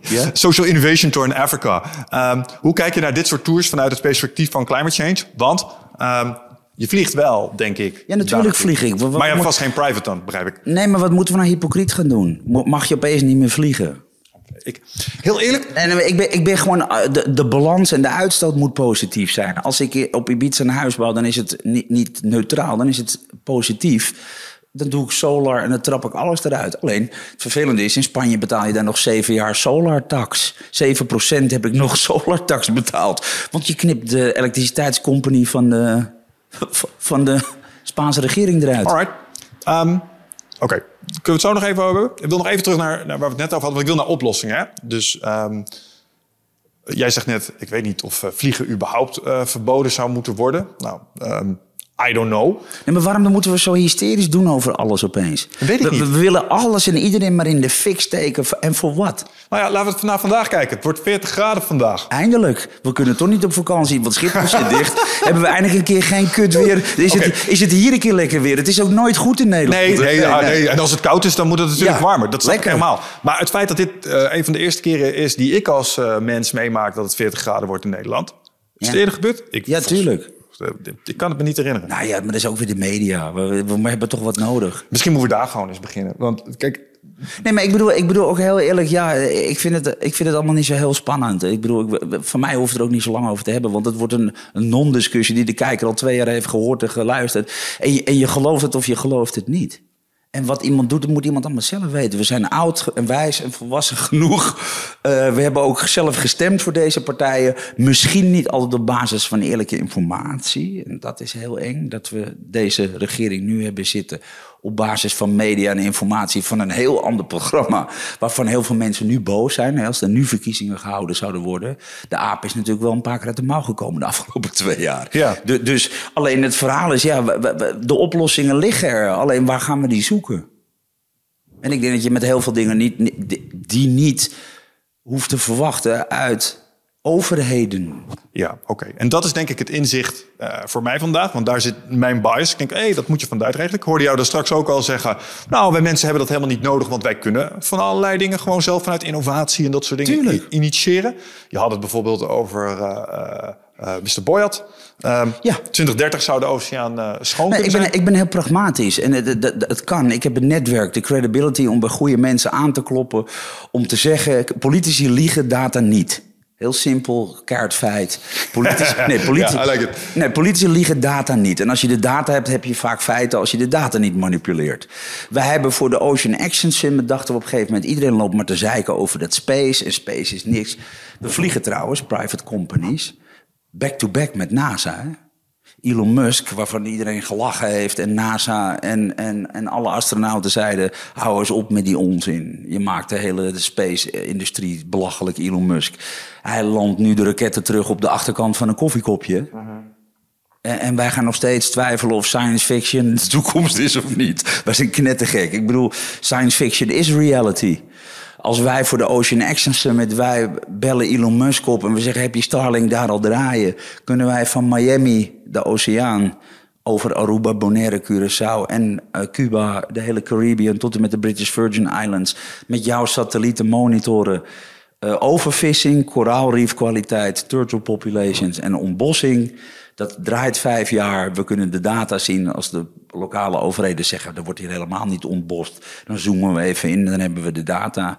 En we, we zijn in, in controle. En zelfs zonder overheden kunnen we met individuele partijen... koraalriffen klonen. We, kunnen, we hebben helemaal geen overheden nodig voor heel veel dingen. All right, now we're getting to the good shit. Want Ja. ehm, eh, dit is eigenlijk waar het mij om gaat.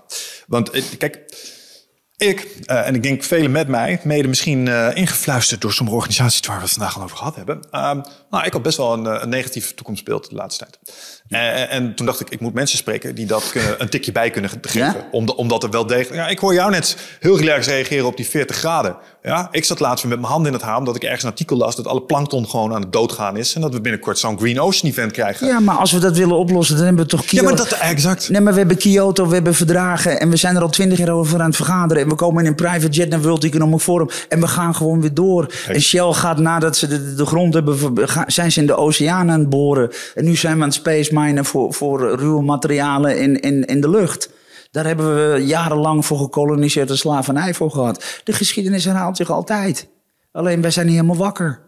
Maar, maar, maar nogmaals, wij, hoeven, nee, wij kunnen dat zelf oplossen. Ja, exact. Want ehm, ondanks dat we in de Panarie zitten... Nou, ik hoor je net iets zeggen. We kunnen sommige dingen kunnen we klonen. We hebben bepaalde technologieën... waarmee we de oceanen schoon kunnen maken. Ja. En dat is precies de shit waar ik het over wil hebben. Ja. Omdat er een aantal dingen zijn... waar ik op dit moment geen weet van heb... waarvan ik, als ik dat hoor, denk... oh ja, of course we can do that. Ja. Why didn't I think Maar waarom niet? Nou ja, omdat, omdat ik er geen weet van heb. Nee, nee maar, maar je hoeft er geen weet van te hebben. Ik denk, ik denk dat het nieuwe en het mooie is. Als je gelooft dat, dat technologie alles kan. Zeker met exponentiële technologie. Denk even eens kloes. Tien keer sneller. Het kan veel makkelijker en sneller. We kunnen met de, de space technologie kunnen we dat. We kunnen met ocean technology kunnen we... Alleen het probleem is natuurlijk... Kijk, ik ben heel pragmatisch. Ik ben, ik ben in 2016 bijvoorbeeld Economic Forum weggegaan. Eén, omdat ze me via de industriële revolutietheorie gestolen hebben. Klaus Schwab is gewoon gestolen dat is gewoon eh, eerst interessant. Maar je kende deze boys ook. Ah, jongen, ik heb, dat, dat, dat, bedoel ik met de media in Nederland. Je wordt toch doodgezwegen? Want ik, ik, riep al in april 2020 een OMT samenstellen zonder sociaal-econoom en psycholoog. Dat is echt heel bijzonder. Hoor. Mm. Dan ben je echt een bestuurder van niks als je dat niet doet. Want de sociaal-maatschappelijke impact wordt natuurlijk gigantisch. Dat kan je niet met een stel virologen bekijken natuurlijk 2,5 jaar lang. Nee, dan krijg je bias. Dus ja, dat is nou ja, maar dan niet alleen bias. Je krijgt experts die, die, die van de hoed en de rand niet weten. Omdat ze op een ander gebied expertise hebben. Dus de samenstelling moet goed zijn. Uh, ze zeiden, ja, maar jij bent heel pragmatisch. Ja, dat ben ik ook. Als wij een Bojan Slat hebben die in 20, 40, 20 jaar tijd oceanenplastic vrij kan maken als we de negen vinden, nog meer Bojans en negen funden, gewoon 500 miljoen halen bij impact-investeerders en zeggen: we gaan de oceanen in tien jaar schoonmaken. Dat is, dat is een van de 17 SDG's van de United Nations. Next. Uh, wat kunnen we nog meer doen? alleen het probleem is, en dat is lange termijn en dat los je niet zomaar op. Er zijn een miljard mensen die niet tevreden hebben. En die flikkeren gewoon plastic in de, in, in de sloten en in de rivieren en in de oceaan. Want die, die zijn aan het overleven. Dus je lost het structureel niet op. Zo'n boja moet nog honderd jaar varen. Als je het niet structureel. De de, de, de, de, we moeten op een gegeven moment ook natuurlijk stoppen met plastic dumpen. Ja. Nou, dat heeft te maken met poverty en opleiding. Ja, dat deel ik helemaal.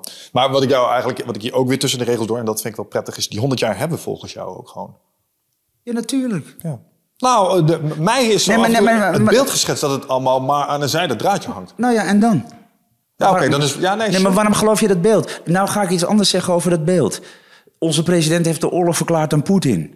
Ja? Dan ga ik je even heel realistisch tegen je zijn als het over 100 jaar hier qua temperatuur allemaal niet lukt, dan gaan we allemaal met z'n allen hartstikke dood. Fantastisch, hebben we zelf gedaan, dus dan kunnen we ook niemand de schuld geven. Mm, we, waren erbij, hè? En we hebben er naar zitten kijken en we hebben het allemaal weggewuifd. Dus ja, wie niet horen wil, moet me voelen. Zo simpel is het ook. Maar heel simpel, ik ben heel pragmatisch. Er kan van alles gebeuren. Er kan morgen een komeet in de aarde slaan. Poetin is erg boos op ons. Als die morgen een paar van zijn middellange afstandsraketten op ons afvuurt, zijn we er ook niet meer. Ik weet niet of we op Den Haag gaat mikken of op alles. Nee, maar... maar, ik, dit, weet ik, dit weet ik toevallig. Ik heb een kaart gezien van eh, Rusland. Met hun strategische doelen in, de, in, de koude, uh, in de Koude Oorlog. Um, uh, hoe heet die basis ook alweer op de Veluwe? Die krijgt er een om de oren en Rotterdam krijgt er ja. een om de oren. Ja, ja, natuurlijk. maar ik bedoel, er zitten wij eens met z'n allen zo druk te maken over een paar hete dagen. Als die Poetin morgen op een knop drukt. Ja, nee, maar, maar, ik bedoel, maar, maar dat, het lijkt wel of onze snapspier niet aan is. Er zijn zoveel dingen die we wel kunnen zien. En als ik kijk naar de oplossingen, alleen ik ben daar dag en nacht mee bezig. En ik vind het mijn taak om tegen mensen te zeggen. En dat is natuurlijk wat ik doe in de media en op elk congres waar ik spreek Elke euro die ik verdien gaat in de pot. Die gaat. Ik, Serena Williams heeft 60 sociale start-ups die ze backt. Ik sta op 24. Nou kan ik mezelf niet meten met een toptennister die, die, die multimiljonair is. Maar, maar ik kan als tech-ondernemer aardig meedoen. En ik kan ook nog wel wat exits maken. Dus wie zegt dat die chick al gewonnen heeft? Misschien speel ik wel een tiebreak straks met 70-70. Play the long game, man. Yes, bro. Dus, dus ik bedoel, waar ligt de ambitie? Ik wil ook naar meer sociale start-ups. Ik wil schalen. Ik wil... Uh, en, en ik kan ondernemers beïnvloeden. Als ik tegen drie artiesten zeg: ga je fans nou mobiliseren om goed te doen. Jongen, dan, dan klappen we. Dat is Domino D-Day keer, keer, keer 10 miljoen. Ik zat laatst met Steve Aoki op Ibiza is, is al heel erg bezig met zijn fans mobiliseren om goed te doen. Nou, als je dat straks met, met uh, tien artiesten doet, heb je het bereik van een miljard mensen. Jongens, doe even mee. We, willen mensen eten geven en opleiding. Hartstikke goed. Ja, ja, nice. Ja, en dan zit je al bijna op die 20 procent, hè? Dus ja, nee, oké, te gek. Nou, als we even vanuit die lijn van denken verder redeneren. Ja. ja dus, en, en, dit is waarom ik mensen zoals jou wil interviewen. Ik noem dit dossier Humanity Fuck Yeah. Omdat, ja, ja, Ik, omdat ik denk dat we echt de potentie hebben om... Natuurlijk. Wij gaan naar de sterrengast. Daar, daar ben ik heilig van overtuigd. We zijn wel. Sure. Oké, wel eh, als we even in het hier en nu kijken. Welke technologieën en innovaties, ja, denk jij, uh, die je nu ziet, als we die globaal zouden weten door te voeren, hebben de meeste impact op dit moment. Maar daar kijk ik helemaal niet eens naar, maar ik wil het antwoord wel geven. Cool. Maar, maar onder, de, onder de motorkap van de vierde industriële revolutie zitten er 50. Allemaal exponentiële technologieën die ons schaalbaarheid geven tot, tot macht 17. Alles wat we. Ik, laat ik het zo zeggen. Ik praat er niet eens meer over. Weet je waarom niet? Elon Musk landt de raketten aan de achterkant van een kopje koffie. En NASA zegt, gast, kan je dit ook... We we hebben hem vijf jaar uitgelachen, NASA. En nu zeggen ze, dat scheelt dus 35 miljoen per raket. Kan je dat alsjeblieft ook voor ons doen, gast? gek toch? Nee, nee, ik bedoel, de- dus, dus alles wat er in technologie zit, hoef je niet meer over na te denken. De enige belemmering is onze lineaire mindset in een wereld van exponentiële technologie. Als je je mindset exponentieel kunt maken, kan jij alles bedenken, vrij denken, want technologie kan het toch allemaal. Dus, dus stop met technologie denken. Het mag, maar, maar bedenk gewoon iets en het is mogelijk. We moeten niet de ballast maken van technologie. Technologie kan alles wat jij en ik bedenken en meer. Dus, dus we hoeven nooit meer te denken, kan het technologisch? Nee, we landen de raketten. Warp drive. Bro, gas met het ding. Gas met... Maak hem nou gewoon. Nee, nee, maar even serieus. Ik bedoel, waar hebben we het over? Het moeilijkste gaat weer om mensen mee te krijgen. Als ik tegen Impact investeerde, ze gingen in Wenen gingen ze klappen. Ik zeg, ja, ik was een beetje geschrokken. Ik zeg, maar doe dit even in je eigen tijd. Ik heb een heel kort spreekslot.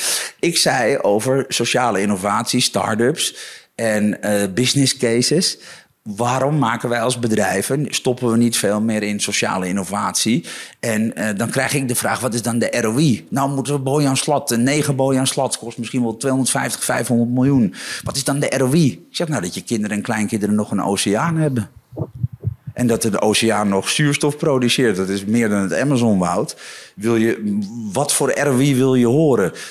Dit zijn People Planet Prosperity Companies. Ja, iets minder winstgevend. Oh, oh. Nou, en als je zo gaat denken, dan blijven we misschien ook eens een keer met onze smerige poten van het ecosysteem af. Wat we elke keer maar willen hacken. Hè? Want we lossen het wel op met, de met chemtrails. Of we, doen artificiële wolken. Of we gaan regen creëren. We blijven natuurlijk het ecosysteem maar hacken. Want, want die macht en power denken wij nog steeds dat we hebben. Dus, dus als we nou technologie eens in gaan zetten om goed te doen. En niet om, om, om robot. Belangrijkste ontwikkeling die er is voor de mensheid. Wat gaan we doen? Gaan we mensen vervangen omdat robots zich nooit ziek melden? En, en, en gaan we iedereen werkeloos maken?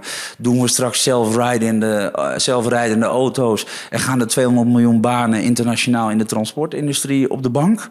Of gaan we zeggen, jongens, moet je luisteren, we gaan de robots het vuile, vieze, smerige, repetitieve en, en, en routinematige klotenwerk laten doen.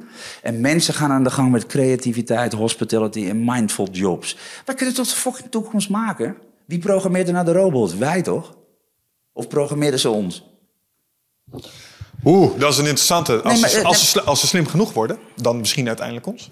Nou ja, misschien. Maar, maar, maar als je een blauwdruk hebt, if you can imagine the future, you can create it. Dus als je een ideaal toekomstbeeld voor ogen hebt, alleen één ding, en dat is het allerbelangrijkste, en daar geloof ik in, en daar spreek ik veel over. Technologie in de juiste handen. Technologie can empower or control society. En ik ben voor de empower kant. En heel veel overheden kiezen nu voor de controlerende kant. Nou, en, en, en dat is jammer. Want naast de controle zitten vooral veel veranderingen in naar de goede kant op. Maar dan moet je wel weten waar je naartoe wil met z'n allen. Nou, wie weet waar we naartoe kunnen? Weet een overheid dat? Kunnen wij dat beslissen als burgers? Hebben wij een plan 2050? Nee, maar er zit wel iets in onze aard wat ons een bepaalde kant op stuwt, lijkt het. Ja? Ja, vind je niet? Ja, geld en macht. Ja, geld en macht, maar ook innovatie en aanvullende complexiteit. Als je kijkt naar wat dat machientje produceert over de loop der tijd, is altijd dat. Ja. is nooit anders. Ja, ja, eens. Dus, dus, dus er zit een soort hang naar meer, meer complexiteit, meer technologie. En eh, wat, wat doen wij mensen met onze technologie? Ja. ja onze omgeving beïnvloeden, Ja. optimaliseren, zodat we meer van ons eh, kunnen hebben. Dat is, dat is wat we lijken te doen. Dus wat is het beleid dat, dat in ons als aard zit? Ja, meer, meer, meer, meer, meer. Ja, ik denk dat het de tijd wordt dat we gaan inzien dat meer is niet altijd beter. En, en exponentieel heeft ook risico's. En je kan dingen ook opblazen. En eh, waarom moet het altijd meer? Less is soms more. Ah, en, eh, want dit is interessant, want ik hoorde je eh, in een van je interviews of een van je praatjes, ik weet niet meer waar, zag ik je vertellen over, eh, ook over oplossingen van, hé hey man, ehm, resource schaatsen op aarde, asteroïdes, weet je wel. Um, kunnen we gewoon minen. Obvio. Ja, maar dat is gewoon, maar dat is gewoon het belangrijkste van een futurist is dat je ook die historie snapt. als wij uh, 400 jaar gekoloniseerd hebben omdat er in de grond hele mooie stofjes zitten als bauxiet, olie, gas, goud en noem maar op. Mm. Uh, en we gaan het nu in deep sea minen. Uh, er zitten in near-Earth comets en planeten zitten 100 triljard, tien keer meer dan in de aarde. Alleen, ze zeggen, hebben tegen mij tien jaar gezegd: ja, je bent niet goed bij je hoofd. Gaat hij weer met zijn space technologie? Nee, je moet het gewoon omdraaien. Er, zit in de aarde, het zit in de bodem van de oceaan en het zit daar. We zijn mensen. Laten we het zitten? Alleen ik hoop dat Poetin of China niet als eerste gaan. Want als die een miljard naar binnen tanken uit de, uit de lucht, ben je een nieuwe wereldmacht op aarde. Of, uh, hoe heet die beste ehm, man ook alweer? Koning van, ik geloof Mali. Moesta was een, een, een, koning en die hadden goudmijnen tot en met. En die man is een keer op uh, bedevaart naar Mekka gegaan. En hij vernietigde elke economie waar hij doorheen kwam. Omdat hij te veel goud aan het uitgeven was. dus ik denk ook wel eens, ja, is leuk. Maar als je eens zo'n ding in low orbit trekt... en je begint dat ding te minen... en ineens hebben we 30 keer zoveel goud op deze planeet. Unintended side consequence, economie tankt. ja, maar dat kan ook het water zijn wat we straks op aarde niet ja, nee, hebben. Sure, Dus alleen, ja, en ik denk... En dat is het. Uh, het is voor ons het allermoeilijkste om te kunnen snappen... de planeet en de aarde en de maatschappij... gaan de komende 20, 30 jaar meer veranderen... dan de afgelopen 3, 4, 500 jaar. Ja. Alleen dan moet je exponentieel en vrij kunnen denken... om te kunnen snappen waar zou dat heen kunnen gaan. En in mijn denken zeggen ze vaak... ja, dat is far out en het is dat... Ik weet ook dat er, alleen ik zie toekomstscenario's. Dat kunnen er drie zijn. En wetgeving, kan heel veel bepalen. Als wetgeving technologie aan banden legt, zelfrijdende auto's komen er niet, dan kan de technologie het. Maar het gebeurt niet. Ja. Robots, als de overheid zegt, ga niet gebeuren, mag niet, dan komt het er niet. Dus je moet scenario's maken, want wetgeving speelt daarin bijvoorbeeld een rol. Maar dat technologie in principe alles, alles zou kunnen, ja, geloof ik ook. Oké, maar de reden dat ik het even over die komeet had... is omdat ik je zojuist ook iets hoorde zeggen... waarbij ze van, ja, dat zijn mensen, hè? dus dat gaan we ook gewoon doen. Zo van, en, daarmee was bij mij niet helemaal duidelijk... dat we dat zouden moeten willen. Hoe kijk je daar? Het feit dat we het, feit dat we het kunnen, hè? het feit dat ik een kolonie... Eh, dus wij als mensheid kunnen tussen nu en 50 jaar... kunnen we een kolonie op Mars hebben. Ja. Zouden we dat moeten willen? Tuurlijk. Oké. Waarom niet? Sinds wanneer mogen we niet meer exploren? Ja, ik denk ook dat ik, ik, denk alleen als je de, die argumenten kun je pas voeren, of die, die, die, discussie kun je pas voeren als je de argumenten weet. Tegenwoordig is het natuurlijk uh, uh, space technologie. Ik noemde een voorbeeld Space for Humanity of, of Satellites for Humanity of Space for Good. Uit space technologie komen natuurlijk heel veel goede dingen. Uh, willen we exploren? Ja, waarom zijn we altijd zo bekrompen? Daar gaan we ook weer. Ik denk anders. Er zijn nog 5 miljard, met een M van miljard en niet miljoen, planeten in het, dit universum gelijk als aarde. 5 miljard. Dat zijn cijfers van NASA. Ja, ik heb, uh... Maar dan gaan we, we gaan een heel verhaal hebben over wel of geen aliens. Nee, ik draai het om en dan ben ik meteen klaar met de discussie. Wij zijn die arrogante kutmensen op aarde die zekerheid kunnen zeggen... dat er op die andere 5 miljard planeten... nou, daar is heus niemand, wij zijn de enige. Ook goed klein beetje arrogant verhaal. Maar goed, dus zijn wij alleen? Nee, natuurlijk niet. Alleen onze snapspier laat dat niet toe. Want dan worden we aliens en enge dingen. Ja, maar de, de, de, de, reden waarom je zeg maar, naar de andere sterren zou willen... is om te kijken of ze er zijn, toch? We zijn toch explore, net wat je zegt, explorers. Ja maar, ja, maar dat hoeft niet alleen uh, mensen te zijn. Dat kan nog om heel veel andere redenen zijn. En, en ik denk dat exploration op een goede vorm... Uh, dat dat heel mooi bij de mensheid past. Alleen, wat ga je ermee doen? Wat ze je niet zullen vertellen is natuurlijk dat space mining natuurlijk heel interessant is. Daar miljarden te halen zijn. En als je dat de waarde eruit trekt en omzet in geld of macht dan krijg je op aarde een hele andere machtsverdeling. Dat zullen ze er niet bij zeggen. Joh, we doen alsof we naar space gaan. En we doen een beetje orbit vliegen, Branson. En we gaan een beetje naar Mars om te koloniseren. Of te koloniseren. Maar vertellen ze jou erbij, nou eigenlijk gaat het ons om die triljarden die zitten in die... Dat zullen ze je niet zeggen. Dus nee. we, we zullen in de media en journalistiek en als mensen een beetje moeten gaan nadenken. Gelukkig. Ja, aan de andere kant denk ik ook wel weer... ehm, als je kijkt naar de Koude, eh, Koude Oorlog... heeft ons op de maan gebracht. Dus misschien Ja. als ik heel pragmatisch denk... nou, laat China maar proberen. Misschien gaat Amerika en de EU dan ook wel mee. Ehm, en zal dat weer een driver zijn voor innovatie, snap je? Want nu hebben we weer een space race... en die heeft de laatste keer ook voor heel veel Ja, technologische groei gezorgd. Maar die komt toch nu uit private, eh, uit private ja, nee, companies? sure. Ja, vanuit de hoek van Elon en dergelijke. Ja. ja. Die we ook lang hebben uitgelachen. Maar goed, hij flikte toch maar weer. Terwijl de auto-industrie tien jaar riep tegen mij... Igor, als je hier weer komt spreken... alsjeblieft begin niet weer over Tesla, want je wordt uitgelachen. Nou, lach mij dan maar uit. Maar de arrogantie van tien jaar lang... who's laughing now, hè? Nummer zes merk in de wereld, Tesla. Alleen de auto-industrie was tien jaar. Dus, dus waarom zijn we... Wat is er met ons mis... Dat we, dat we zo innovatief zijn, maar eigenlijk nooit innoveren. Iedereen wil innoveren, niemand wil veranderen. Omdat er ook een hang is naar nostalgie en hoe het vroeger was. Ja. Nou, ga, lekker is- ja, ga nee. jij lekker in paard en wagen zitten. Ik, eh, ik ga een beetje tempo draaien. Met, Ja, maar aan de andere kant... wat ik bedoel? Net dat ik zeg, denk ik, maar is ook niet zo... Nou, niet is wel alles, waar niks wat je zegt. Ja, maar is, Angst is voor het onbekende. Ja, maar is niet de reden waarom het niet gebeurt. Want het gebeurt de hele godganse dag door. Maar ik, begrijp, ja, maar ik begrijp ook niet zo goed dat die angst voor het onbekende... is toch juist de drijver om het te maken zoals je wil? Du- Dus als je bang bent dat het anders wordt, dan ga je toch zeggen... nou, hoe zou ik het graag willen maken? Meer groen, meer natuur, CO2-neutraal. We moeten meer gaan koelen. We willen dat mensen... Waarom willen we sowieso dat mensen 40 jaar lang repetitief kutwerk doen... wa- wa- wat je, wat je geestelijk en mentaal kapot maakt... voor ook nog eens een salaris waar je niks meer voor kunt? Misschien hebben we robots en automatisering wel nodig in deze tijd. Om, om, om mensen te gaan zeggen. We kunnen we toch allemaal zelf. We hebben een beeld wat we willen maken. Nou, dan gaan we dat toch maken. Ik Ja. bedoel, ja. Interesting, want je zei daar straks, history repeats. Ja. Futurologen moeten eh, studenten van geschiedenis zijn. Ja. Wat vind je van rechten voor robots? Wat zeg je? Wat, Wat vind vind je, eh, slavery? Is, is er, eh, zeg maar... Nou ja, tussen robottax en slavery en mensenslavery zou ik voor de robots kiezen. En, en hoe we de toekomst willen maken, zou ik robots inzetten voor een aantal dingen die gewoon eh, fysiek zwaar zijn. Als jij met je 45ste eh, een kapotte onderrug hebt, omdat je altijd zwaar hebt moeten tillen. Wa- waarom? Ja, sorry, ik realiseer me dat ik twee stapjes verder ben. Als ik, als ik het heb over robots Ja. eh, en jij hebt het over robots inzetten, dan, dan springt mijn hoofd direct naar iRobot bijvoorbeeld. En dan hebben we het over, hè, Elon is bezig met zijn household robots, companion eh, robots. Dus Ja, oké, maar, maar, maar, maar, maar dat, ja. is dat niet waar jij het over hebt als je het hebt over robots? Nou ja, kan. Maar nogmaals, ik, ik, ik heb maar één echte angst. En dat is de robot zich zo gaan gedragen als mensen. Dan hebben we, then we are fucked.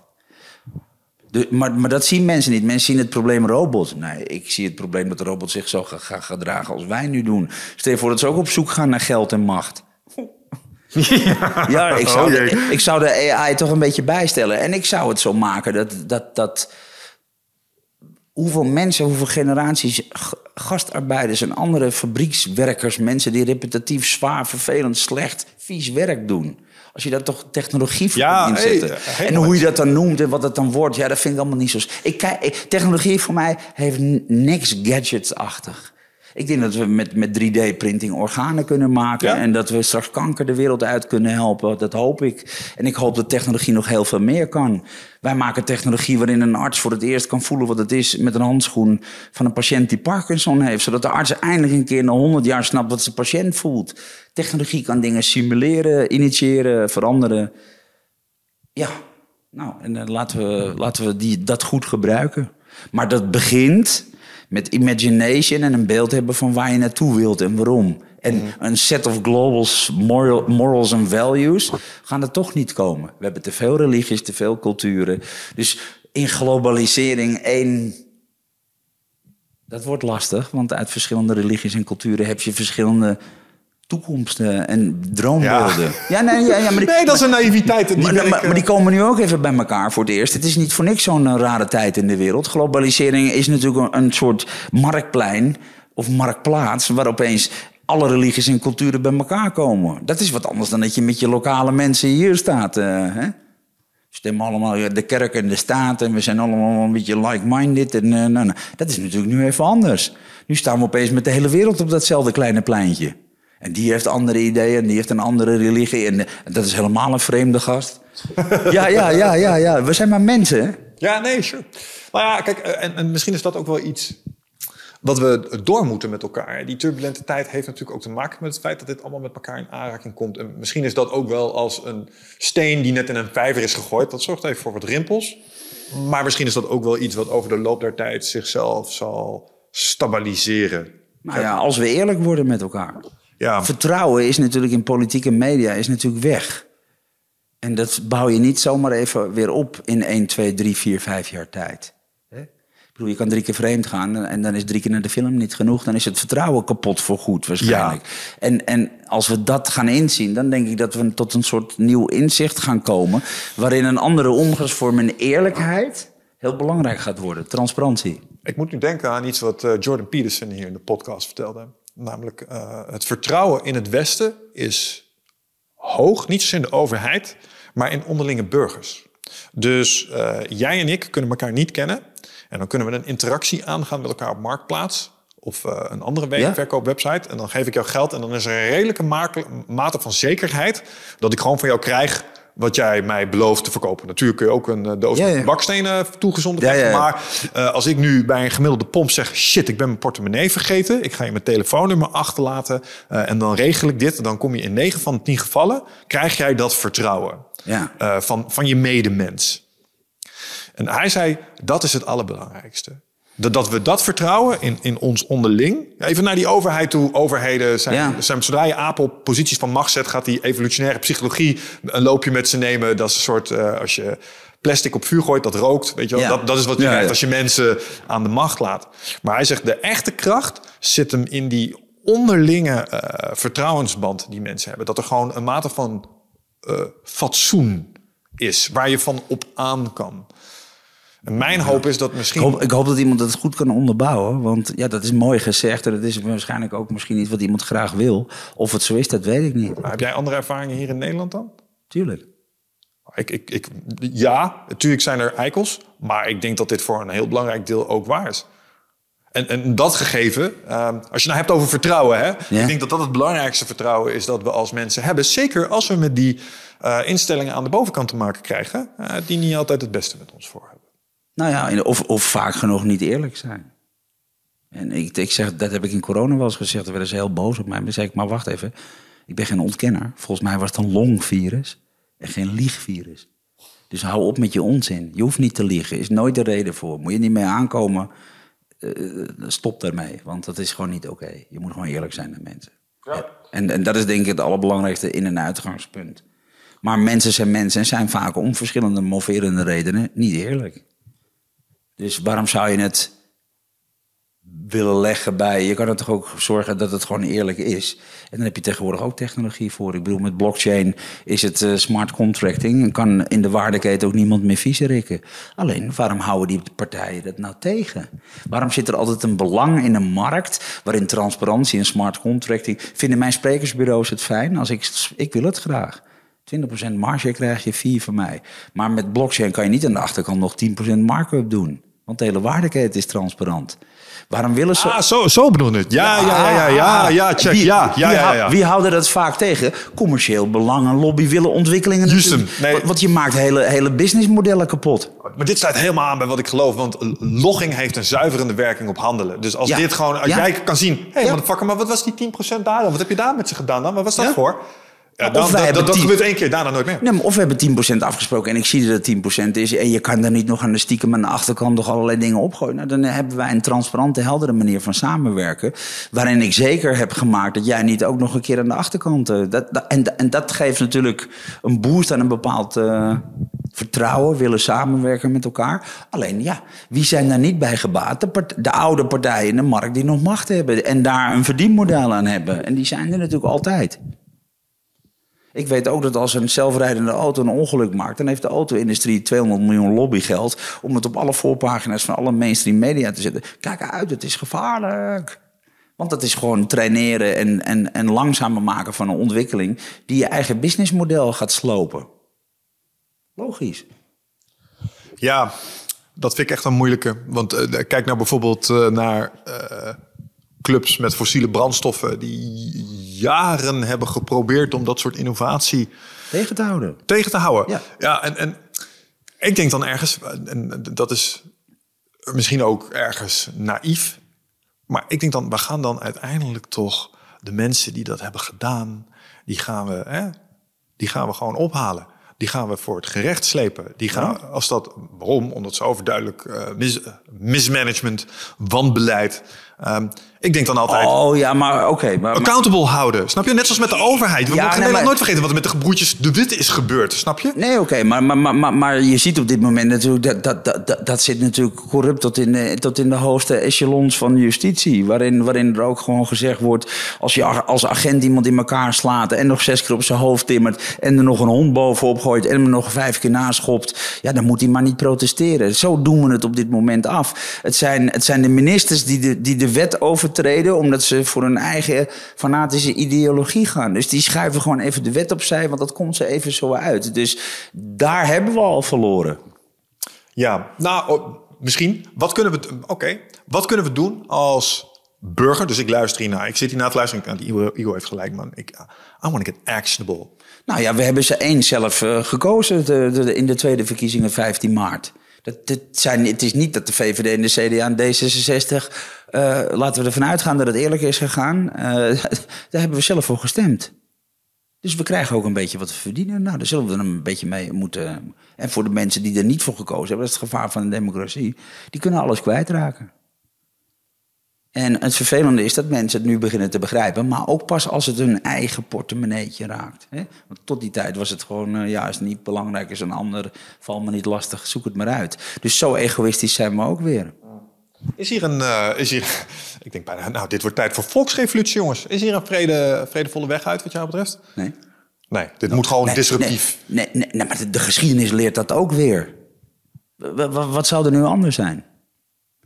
Dacht je dat ze bij, uh, bij de Berlijnse muren, dat, dat, ze zeiden... kunnen jullie alsjeblieft die muur naar beneden halen? Dat hebben ze denk ik wel 100 miljoen keer gevraagd. Oh, nou ja, natuurlijk. Als je het zo vraagt, doe ja, het direct. Ja, ja, kom, nou kom. Nou dus ik ken in de geschiedenis nog weinig voorbeelden... waarin je dat uh, met een potlood op de muur schreef... en dat het dan op een gegeven moment invulling kreeg. Maar we zijn met mensen en we, zijn, we hebben de macht. En dat bedoel ik in heel veel vormen. We kunnen stemmen, we kunnen kiezen, we kunnen het met elkaar doen... we kunnen, uh, we kunnen heel veel dingen oplossen. we hoeven niet altijd te zitten wachten en dat hele... Nee, exact. Want dan denk ik tegelijkertijd, want als de juiste bedrijven de juiste dingen doen, dan kunnen die vanaf de zijlijn fucking veel invloed hebben op dit soort uh, ja, zaken. Ja, Mits ze niet ook hun eigen agenda gaan dienen. Hè? Maar, maar, dat doen ze al. Maar dat bepalen wij toch als consumenten weer? Ja, wij, precies, wij, wij stemmen toch op die dikke reet van Kim Kardashian en laten Malala vallen? Wij, stemmen te, wij kopen toch bij McDonald's en dat soort bedrijven die, die, die, die de verkeerde kant steunen.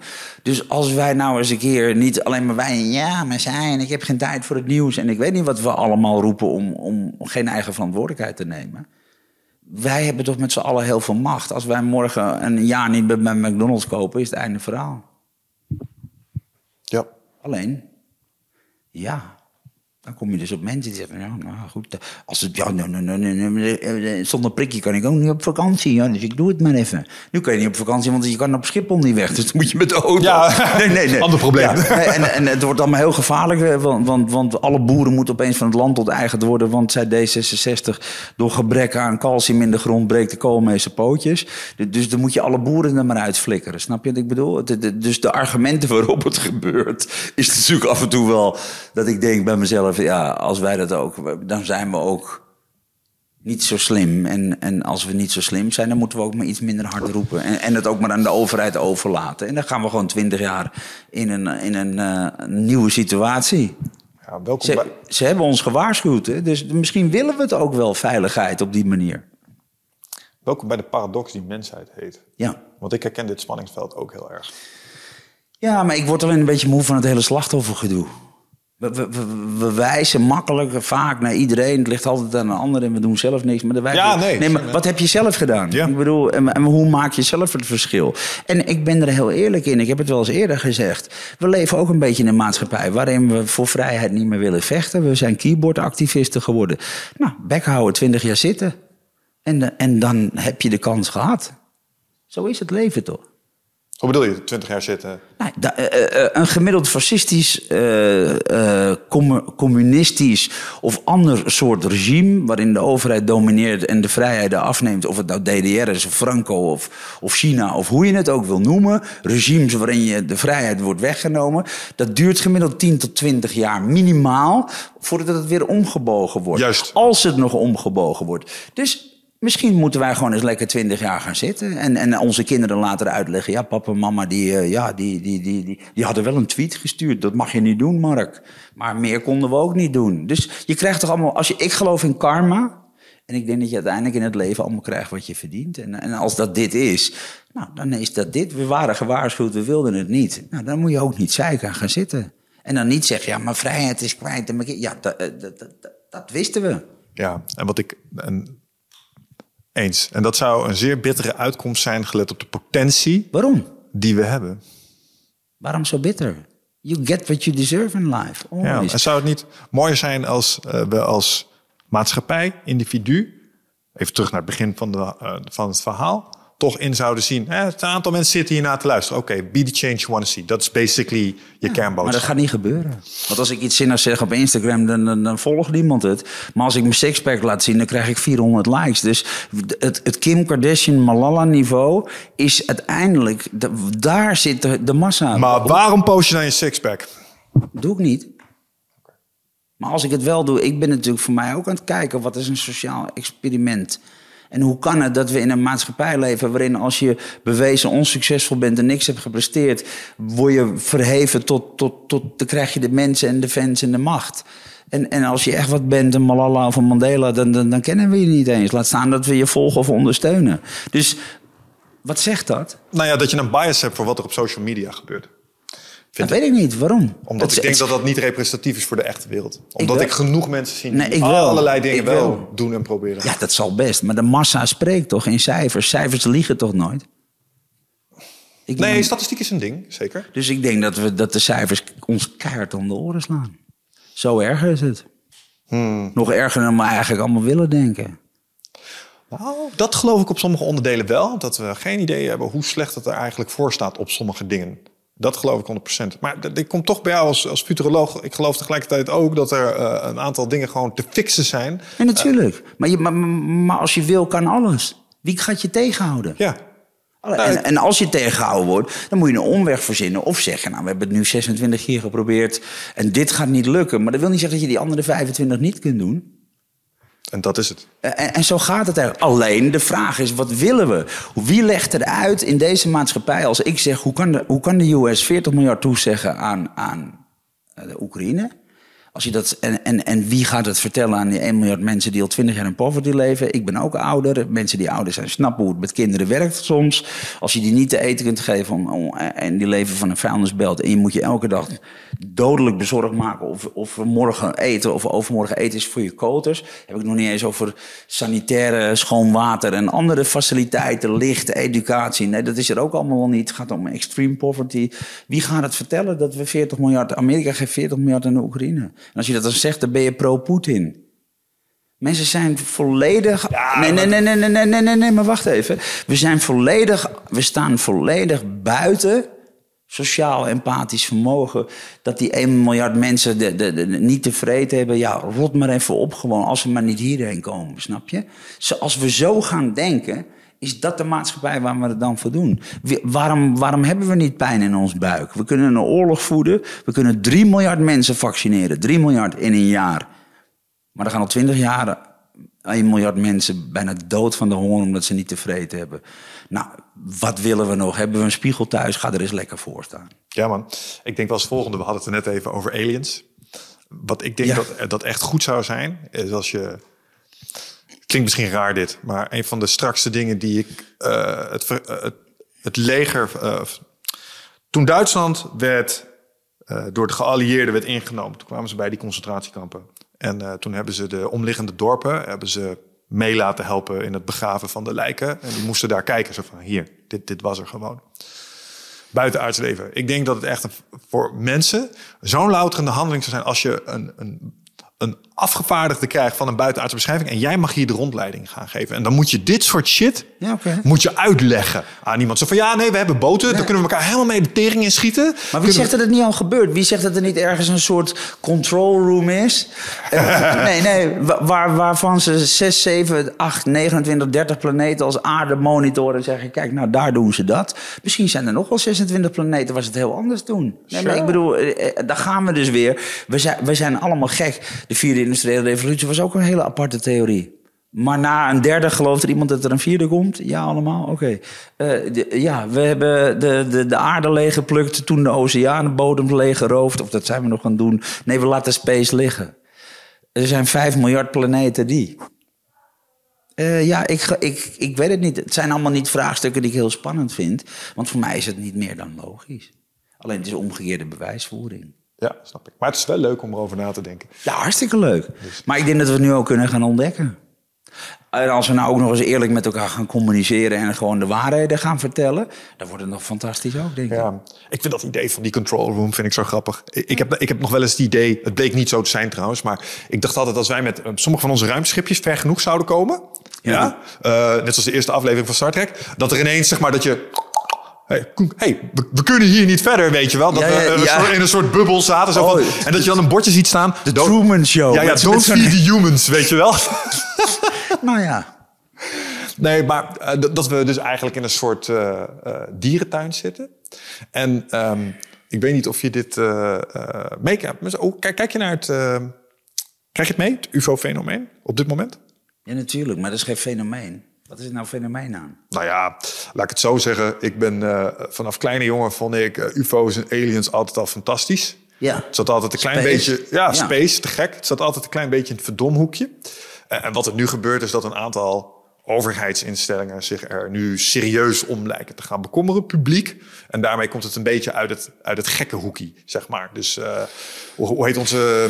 Laten we met Joe Rogan, een, een, een natuurkundige... eh, die zou eerder nooit een uitspraak hebben durven doen als van... nou, ik kan niet 100% zeker zeggen dat het geen buitenaardse technologie is. Weet je wel? Dus het, het, het lijkt een Nee, maar, beetje... maar, waarom, maar waarom kunnen we dat weer niet? Omdat je door iedereen die hier niet verder durft te kijken dat zijn neus lang is. Dat, dat, dat doen we in de westerse wereld ook. Dat, dat noemen we eh, beschaving. En we, en we bombarderen dan de laatste 40, 30, 50 jaar medische technologie die wij hebben.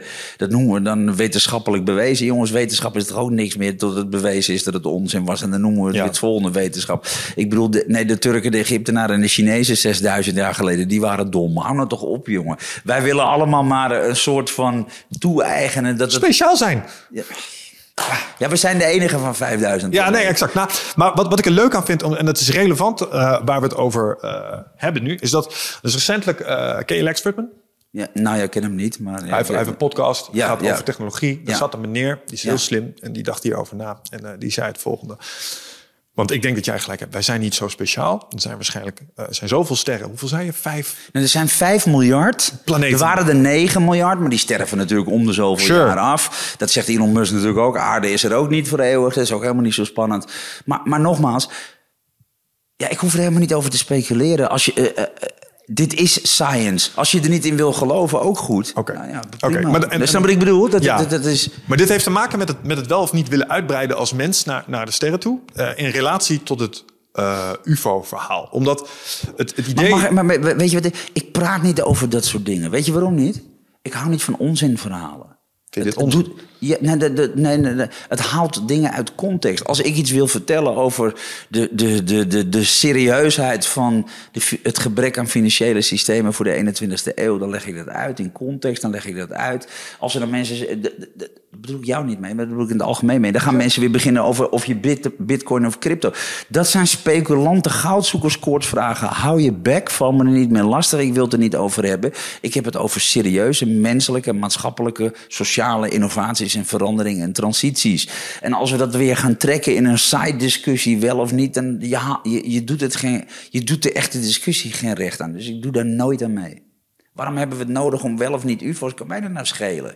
Dat is helemaal niet de vraag. Heb ik ook helemaal niet nodig of dat wel of niet aan de hand is. De vraag is: zijn de cijfers anders? En, en of ze nou wel of niet iets over UFO's zeggen, wie heeft dat nodig? Zijn we dan weer bang dat omdat het in ons snapspiertje niet past, dat als de Amerikaanse overheid zegt er zijn nu wel UFO's, dan gaan we het opeens geloven? Nee, er zijn 5 miljard planeten hetzelfde als aarde.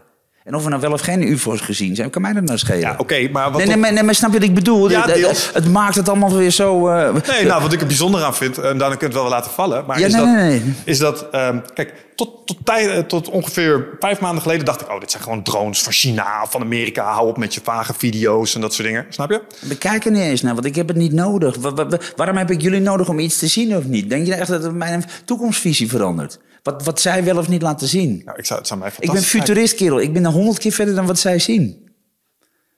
Ik kijk in veel meer keukens dan dit soort kneuzen laten zien. Dat is de grap nou juist. We- we- Ja, we- nee, sure, maar Nee, luister. nee, nee, sure. Nee, maar kom op, man. Waar, waar ze- hebben we het over, man? Als ze landen, dan vind je dat toch kicken als futuroloog? Wat? Waarom is oud nieuws voor mij, kerel? Wat, wat dacht je nou echt dat ik... Nee, nee, maar echt serieus. Ik mag in alle keukens kijken. En we, schrijven voor Hollywood scenario's voor 2100. Maar ik ben... wat, de CIA of wat er iets... Jongens, hou op. is allemaal beïnvloeding. Hij- Waarom komt het nu naar voren? hij weet iets wat wij niet weten. Wie? Jij. Ja, natuurlijk. daarom moet ik ook hebt al dingen gezien. Ja, nee, ja, tuurlijk. Maar daarom moet ik af en toe... Ik word op social media ook door, door, door een huismoeder uit Dronten eh, kapotgeschoten... eh, op, op basis van nul argumenten. Maar, maar, maar kan nou niet drie Nederlandse zinnen formuleren? Ja, zo gaat het op dit moment. Er is nul respect voor track record wie je bent. Het is allemaal emotie. Ik blijf uit de discussies. Wat anderen allemaal nodig hebben, vind ik ook allemaal prima. Ik heb, ik heb hiervoor gestudeerd en ik kijk in elke keuken die er is. Dat is gelukkig mijn vak. En dat mensen dat, zich dat niet realiseren, dat zegt meer over die mensen dan over mij. Dus ik hoef die discussie ook nooit aan te gaan. Ik doe niet mee met speculaties. Want ja, dat is, dat is een beetje voor de niet-futuristen. En in hindsight is iedereen futurist. Want we wisten het allemaal wel achteraf. Alleen ik zeg het tien jaar van tevoren. En wordt dan tien jaar op de brandstapel geflikkerd. En dan ben ik een gekkie. Maar, maar dat is natuurlijk... De, de grap is... We leven natuurlijk in een, in een wereld... In the age of information, ignorance is a choice. We hebben toegang tot alle informatie. Als je een beetje kunt filteren, kun je ook nog eens een keer om fake news heen. Wat kun jij nou niet vinden? Alles is te vinden. Alleen je moet er de tijd voor hebben en de nieuwsgierigheid. En, en dan zul je zien dat er al heel veel informatie beschikbaar is. waarvan je eigenlijk helemaal niet meer nodig hebt dat ze. Ja, wat ik bedoel? Maar, Alleen- Ja, zeker. Maar dat is ook een, eh, een dingetje tegenwoordig. Het sensemaking. Eh ik denk namelijk tussen de regels door te lezen... waar je eigen geland bent in de hele eh, COVID-discussie. Dat is een mooi voorbeeld. Ik vond, ik vond COVID vond ik een moeilijk onderwerp, man. Zo van, was het nou wel of was het nou niet, Link? Nou ja, als ik jou zo hoor, virusje, die prikjes... waren misschien ook niet 100%. Nee, nee, Eh, nee, misschien interpreteer ik nu. Nee, nee maar, maar, maar dat heb ik nooit gezegd. Alleen, lieg niet over een virus. Ga niet vertellen dat een virus... Want, want op een gegeven moment... eh, Je moet niet liegen tegen mensen. Ja. Die jongen liegt tegen mensen op basis van... Waarom wil Pfizer 75 jaar de data wegstoppen? Omdat er gelogen wordt. Er zitten enge dingen tussen. Ik ontken helemaal geen virus. Alleen, ik zeg, het is een longvirus. Ik heb het zelf gehad. Ik was er goed ziek van. Maar je moet alleen niet... Het is geen liegvirus. Het Nee, is niet- sure. het is geen vrijbrief om, om, om de, we- eh, de, de, de grondwet maar te omzeilen of even weg te tekenen. De intenties zijn duidelijk. Deze mensen zijn op een hele andere koers. En, en dat hoef je niet te vermengen met corona. Nee, nee, maar dat, dat, wat ik probeer te doen is het te gebruiken als een voorbeeld om te illustreren waarom. Want je zegt, hey, informatie beschikbaar, waarom weet je het niet? Nou ja, eh, COVID was een mooi voorbeeld waarbij op één onderwerp kon je best wel wat uiteenlopende me- eh, informatie vinden. Ja. En die vond ik moeilijk, want eh, ik hoorde van eh, mensen die ik een treetje hoger had staan, hoorde ik X, maar van mensen die ik ook een treetje hoger had staan, hoorde ik Y. En toen dacht ik, nou weet ik het eventjes niet meer. Dus dat is een, een bijkomende complexiteit in deze maatschappij. Of niet? Want voor mij is dat niet zo, niet zo moeilijk, omdat ik een hele goede sixth sense heb voor intenties. jij. Ik ruik, ik sm Ja, maar jij kan mij toch vertrouwen als je mijn intenties snapt? Jij weet toch dat ik nooit over iets zal liegen en dat ik een slimme gast ben. Dus waarom moet je twijfelen? Dat, dat zegt meer iets over de mensen. Want niemand durft zich meer aan een houvast vast te houden. Ik ben heel makkelijk. Als iemand goede intenties heeft en, en, en honderd keer het voordeel van het twijfel heeft verdiend, krijg je van mij de honderd eerste keer ook het voordeel van het twijfel. Sure. Ja, nee, en, en, En, dat en, is... en daar zijn heel veel mensen natuurlijk die, die, die op een gegeven moment... En dat is ook moeilijk. Want we hebben niet voor niks fake nieuws, we hebben propaganda. Als je tegenwoordig... Eh, eh, Maar ik heb getest.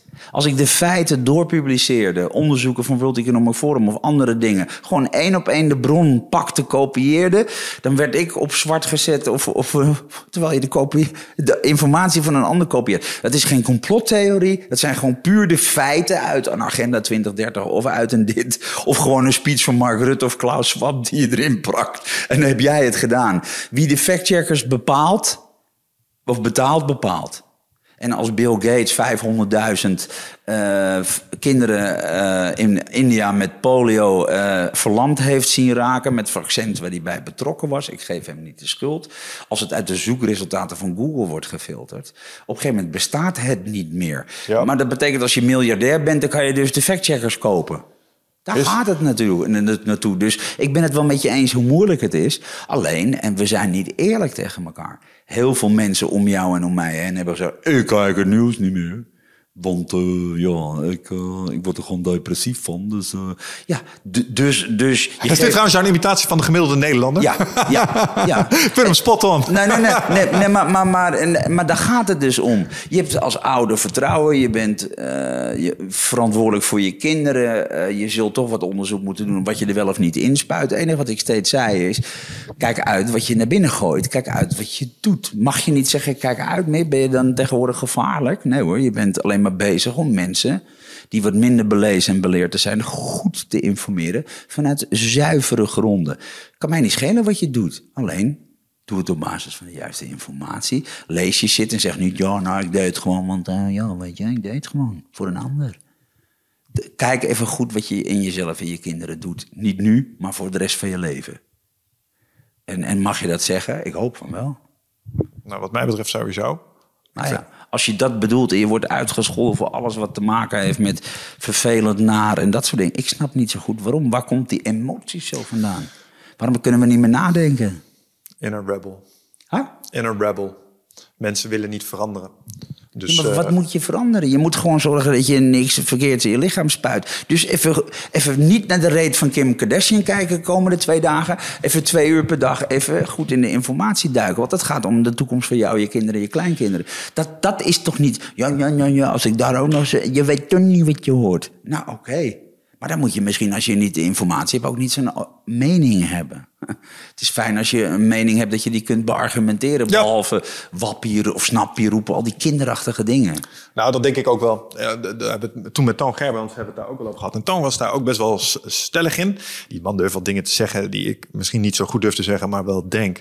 Kijk, die zei ook van, ja, al dat geklaag en al dat ge gekwebbel en overal maar wat van vinden. Ja dat is fucking nonsens. Want het komt maar op één ding neer. Wat doe je eraan? Ja, maar, maar, maar, dat niet alleen. Als je, ja, zeker waar. Maar, maar daarvoor, als je van alles vindt, breng het naar de politie. Die hebben een afdeling gevonden voorwerpen. nee, maar dat, dat, daar is een afdeling gevonden voorwerpen. Als je iets vindt en je, en je hebt geen, nog niet drie minuten besteed aan je onderzoek en je roept maar wat. Sure. Hou gewoon lekker je bek, joh. Ja. Nee, maar waarom, waarom, kom, waarom moet je dan ook zoveel vinden? Als je niet de informatie hebt en de tijd hebt en met grote mensen wil discussiëren die daar uren en tijd in steken en slim zijn, uh, ja, dan moet je denk ik iets minder vinden en, en wat meer onderzoek doen of argumenten hebben. Want dan ja. dus gaat, geldt toch in alles in het leven? Ook daar heb ik wel eens over nagedacht. Wat? Waarom mensen dat toch. Uh... Emotie? Ja, maar ook omdat ze vinden dat zij de hoofdrolspeler in hun eigen verhaaltjes zijn. En hun verhaaltje is het verhaaltje. En is één. Ja. ja. Maar worden dus ook pas geactiveerd als, als het in de. Ja. Ik moet een beetje uitkijken zeggen. Ik heb natuurlijk hele zwarte humor. Als mensen iets zeggen over de, de gasprijs, dan zeg ik wel eens met mijn achtergrond. Nou, dan zijn wij voorlopig veilig. Maar dat mag je ook niet zeggen. Want je mag tegenwoordig nergens meer om lachen. Ik heb een Israëlische achtergrond. Dus dat wordt er ook. Je mag, je mag nooit meer een grap maken. In corona mochten we niet meer lachen. Terwijl humor en sarcasme en galgen en zwarte humor juist de beste overlevingsmechanismen zijn. Blijkt uit alle vormen van die wereld. We mogen niet meer lachen. Je bent bij alles een lul. Als ik op een vliegtuig stap naar Wenen, ben ik ook een klootzak. Al heb ik honderdduizend goede dingen. Ik heb 40 miljoen gestopt, 40 miljoen in sociale start-ups. Als ik morgen een vlucht boek naar Wenen om voor mijn eigen congres één keer per jaar te spreken, moet ik ook op de brandstapel. Joh, zoek het allemaal uit, man. Ja, hey, waarom doe je het nog als ik dit zo op luister? nou, omdat ik zit aan de goede kant van de medaille. Uh, voortschrijdend inzicht is voor mij altijd al lastig geweest. Uh, dit keer erg lastig. Uh, maar tegelijk komt toch altijd weer je kant op. Dus wat dat betreft denk ik altijd bij mezelf... nou, we wachten nog wel even, want ja, maar, maar... De, de, brandstapel en de, en de eieren en de tomaten... en alle gecancelde talks. En ik, ik heb niet alleen landen en merken op de blacklist. Dat is een wederkerig principe. Die landen hebben mij en die merken hebben mij ook op de blacklist. Want ik heb natuurlijk McDonald's gigantisch hard aangepakt en Pfizer... Ik heb gezegd, hoe kan het nou dat wij allemaal niks meer ownen en failliet gaan en niks meer hebben? Ondernemers kapot, de boeren hebben niks meer, bezit wordt afgepakt. Maar de CEO's van elk, of het nou Pfizer, Moderna, AstraZeneca of noem ze maar op, zijn allemaal, zoek maar op, van rond de 4 miljoen per jaar dollar salaris naar 28 tot 30 ja, miljoen. Nee, nee, maar keer 7, 7,5. En, en, en de, de, wacht even. Dat is best apart. Maar nogmaals, dat heeft niks met complottheorieën te maken. Je moet gewoon je huiswerk doen. Ik heb het beste onderzoeksteam van, van, van de wereld. Plus AI en algoritmes. Dus ja, mensen kunnen beter een keer vragen. Als jij zo stellig bent, waarom? Niet meteen, je moet je bek houden, je bent zeker voor Baudet, je bent zeker dat. Nee, ik vind Baudet ook een lul. Alleen, ik kan mijn emoties uitsluiten en af en toe zeggen dat hij verstandelijk soms dingen zegt die wat slimmer zijn dan de gemiddelde politiek. Blijft het een lul? Ja, in mijn ogen wel. Maar die wordt natuurlijk ook door Jinek en door Umberto Tan zo dusdanig kapot gemaakt op televisie vanuit persoonlijke veten. Dat heeft natuurlijk niks meer te maken met, met, met, met uh, goed nieuws naar de, naar de mensen toe brengen. Wat we verloren zijn is een uh, stoïcijns principe, namelijk pillage from all sources. En dat betekent dat uh, iemand kan een eikel zijn en een mogol, maar als hij gelijk heeft met een oplossing voor dat specifieke probleem, dan pak je die oplossing gewoon en dan negeer je de rest. Snap je? Maar dat kan niet meer. Nee, maar ook omdat de emotie zo hoog is geworden en ratio uitstaat. Het, maar, maar ik weet toch niet waarom dat is.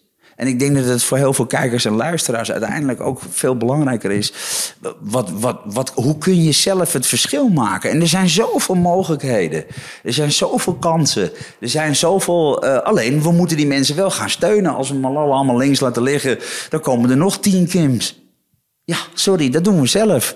Dus, dus de mensen die graag iets willen bijdragen, mee willen doen, geïnspireerd willen raken. Er zijn artiesten, er zijn atleten, er zijn sociale ondernemers. We hebben de Bojan Slat, we hebben de Richard Branson. Er zijn honderdduizend mensen die een verschil kunnen maken. We hebben op Ibiza met een clubje mensen. We varen nu elke vrijdag uit met een bootje. En dat wordt gesponsord door lokale bedrijven.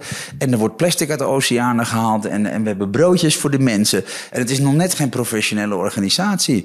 En als er mensen bij zitten die zeggen: Ja, daar heb ik geen geld voor. Ik zeg: dus je kunt morgen een drankje in de pasja kopen voor 24 euro. Een vodka met nog iets. Maar je kunt niet 10 euro stoppen in een pot om, om, om hier de oceanen schoon te maken. Flikker op van mijn eiland, man. Ga, ga je ben in de maand. Nee, nee, maar even serieus. morgen sta je met een fles champagne te zwaaien. Maar, maar je kan niet je tijd of geld stoppen in iets mooier of beter maken. Dan flik je hem daarna in de zee. Ja, precies. Ja, maar dat is prima. Maar dan hoeven we je mening voorlopig ook even niet te horen. Want, waar, en dat is precies wat jij denk ik bedoelt, er is altijd een bijdrage. We kunnen altijd. Ja. En als we echt terugkeren naar onszelf, dan wil ik niet zeggen dat we poverty en, en armoede de wereld uit kunnen helpen. Maar we kunnen wel beginnen met, met, met de vragen: jongens, 40 miljard vanuit Amerika naar de Oekraïne. Er zijn mensen die hebben niet tevreden. Jongens, 3 miljard vaccins in een jaar kan, maar een miljard mensen tevreden geven lukt niet. Laten we dat soort onzin, dat heeft niks met complottheorie te maken of niet. Het heeft gewoon met een sympathisch, empathiek, eerlijk mensen zijn, wat heus wel weet hoe het werkt. Je bent godverdomme zelf ouder. Als je kind morgen niet, niet, geholpen kan worden, schreeuw je moord en brand. Oh, dus, dus je kent het mechanisme wel. Ga eens voor de spiegel staan. Ga eens voor jezelf denken wat je toekomst en je karma is als je dat soort misstanden echt niet, echt niet wil onderkennen.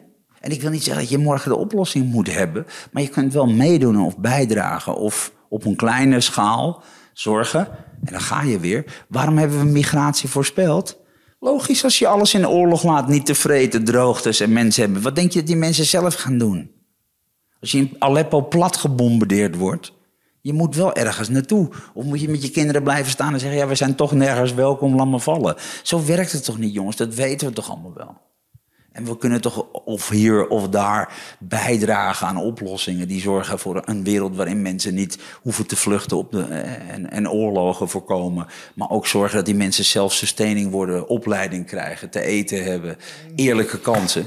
Ik vind het echt een moeilijke podcast, man. Ja? Ja, ik vind ik heel dat er heel veel mensen het veel te politiek te zweven Ah, nee, nee, nee, nee. Dat, dat Nee, soort- nee, nee, want die dingen die gaan over dingen die ik interessant vind. En deze show is ook voor mij om een sensemaking te doen en dat uit te diepen. En ik zal je uitleggen waarom ik hem Ja. moeilijk vind. Want ik vind jou pa- een paradox ergens. Wie? Jou. Maar dat zijn we allemaal. Ja, nee, maar eh, jou even expliciet, want jij bent de gast vandaag. Dus het gaat even over Nee, jou. nee, nee, nee, maar ik bedoel, ik ben heel benieuwd. Wat, natuurlijk zijn we paradox. Nou, eh, eh, deels omdat er zit een kennis in jou. En ik zie je soms aangaan op shit. Dat je, maar dit kunnen we doen en dat kunnen we doen. Ja. En dan oplossingen eh, te over. Ja. En dan anders, aan anderzijds zie ik je bepaalde dingen constateren. Waar een bepaal, en, en dat is logisch als je het beest non-stop in de bek krijgt. Maar een soort pessimisme Tuurlijk. eh, uitstraalt. En, Nou, nou, nou, misschien een bepaald realisme. Wat een drijf... Ja, nee, tuurlijk, tuurlijk. Nee, maar als je het niet ziet, het gevaar. Eh, als je niet denkt, ik ben over twee jaar terminaal aan kanker dood met roken. Dan blijf je lekker doorgaan. Dus ik, zie, ik heb het ook nodig om de sense of urgency te zien. Om nog meer energie en brandstof te halen om, om, om het echt te gaan doen. Ja. Ik zie de noodzaak als geen ander. Ja, omdat de hele insteek van deze podcast is humanity fuck yes. Zo van, hey man, schouders eronder, we gaan het cheffen. Ja. Maar ik merk dat, dat de, de hoop die ik haal uit je enthousiasme over de oplossingen... nu een klein beetje wordt ongesneeuwd door de, constatering, ja, door de constateringen die je doet... Nee, over mag. hoe het systeem echt, echt werkt. Nou, maar, maar, maar dat is het allerbelangrijkste. Want als je, als je de waarheid niet onder ogen Nee, wil zien... En, en, en de sense of urgency en de, en, de, en de niet van de oplossingen... Alleen dan moet je heel realistisch in zijn. En nogmaals, ja, ik kan emotie goed scheiden, onderscheiden van ratio. Ik ben dag en nacht bezig met de mooie dingen doen. Alleen het verhaal is wel... als ik ook een tweede Malala word, ik stop toch niet. Maar waar zijn dan al die mensen die het allemaal zo graag willen? Waar zijn ze dan? Ze willen toch zo graag de goede kant op? Ja. Nou, ik weet zeker dat er een aantal nu op dit moment aan het luisteren zijn. Maar wat wil je? Inspiratie. Nee, nee ik, ik, wil, ik wil kennis. Ik wil de- deze info tot me nemen om beter te weten in wat voor situatie Nou, ik denk dat het allerbelangrijkste is, en dat voor heel veel mensen, stop met denken over wat de technologie wel of niet kan. Ga, Ja. er, ga er even voor het gemak van uit. We kunnen alles en meer. We're gods. Du- du- du- Dus ga vrij denken. Willen we neon bouwen op een mooie manier? Willen we het ecosysteem mooier maken en weer terugbrengen? Exponentieel, met technologie kunnen we tien keer sneller of honderd keer sneller. Ja. Dus bedenk alsjeblieft wat er kan en het kan. We kunnen koraal kunnen we klonen. We kunnen weer herstellen, wordt weer all fucked up. En die sense of urgency is hartstikke goed. Want als je verantwoordelijkheid neemt voor je eigen shit en die shit onderkent, ga je ook veel harder aan de bak. Jongens, ik ken duikscholen Ja, die, die zijn koralen aan het klonen, man. En die zeggen, ja, we, we, we kunnen het nu. We hebben nu de toegang tot... We kunnen het weer helemaal herstellen. Wauw. Het zou leuk zijn als we daar in de toekomst eh, zorgen... dat we het niet steeds kapot maken. Ja, ja. Nee, want ik, ik merkte zelf aan mezelf een aantal keer tijdens deze podcast... werd ik gewoon een beetje boos. Waarom? Goed zo. Maar door de stelligheid. Zo van, ah, pa, pa, pa. En denk je, maar het zal toch wel genuanceerder liggen, snap je? Want? Maar, eh, ja, Waarom? weet ik niet. Omdat ik denk dat sommige dingen niet zo kort door de bocht zouden kunnen zijn. Maar Nee, misschien nee. zijn ze wel zo kort door de bocht. Nee, nee maar dat, je moet het in een podcast natuurlijk ook plat slaan tot de kern. Daar, daar, het is niet altijd even pragmatisch. Maar als we elke onderdeel gaan uitdiepen... dan, dan, dan wordt het een soort vergadering van 26 uur. Je weet dat je bij eindbasis zit, hè? We mogen hier vier uur, vijf uur over doen als we willen. Nee. maar die tijd heb jij misschien niet, dat Nee, nee, ik ook. nee, nee, maar het is ook in mijn vak natuurlijk. Als mensen mij niet geloven, dan hebben ze of mijn track record niet bekeken... of ze vinden mijn Ja, argumenten slecht. Nee, maar ik bedoel, ik, ik, ik hoef me niet aan te passen aan het tempo van de ontvanger meer. Gelukkig. Dat lijkt me een heerlijke luxe. Wat fijn, jongen. Ja, maar na twintig jaar verguisd te zijn als gekkie en idioot... is het nu ook mijn tijd.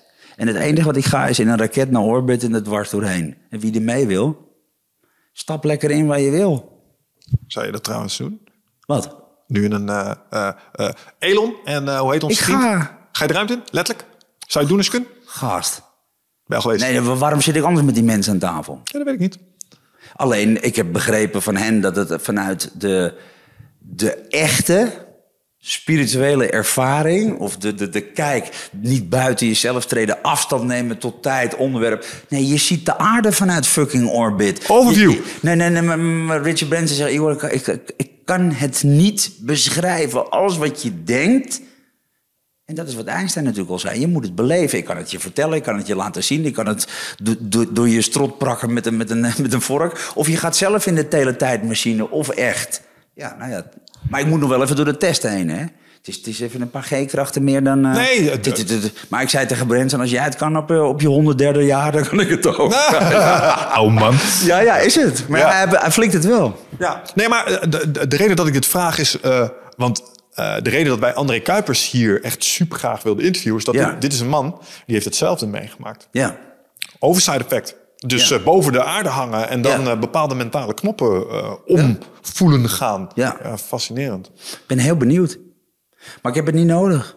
Want als ik satellieten zie zweven, dan ben ik al lang bezig met mezelf. Hey, dan kunnen dus mensen in Afrika internet en een opleiding doen. We kunnen koraalriffen monitoren. Wat kunnen we... Alles kan. Namelijk, er is geen beperking. En het enige wat fijn is, is als je... En daar heb je natuurlijk de grap. We leven natuurlijk ook een beetje in een maatschappij. Laten we heel eerlijk zijn, dat geldt niet voor iedereen. Maar over het algemeen wel eh, een grote groep.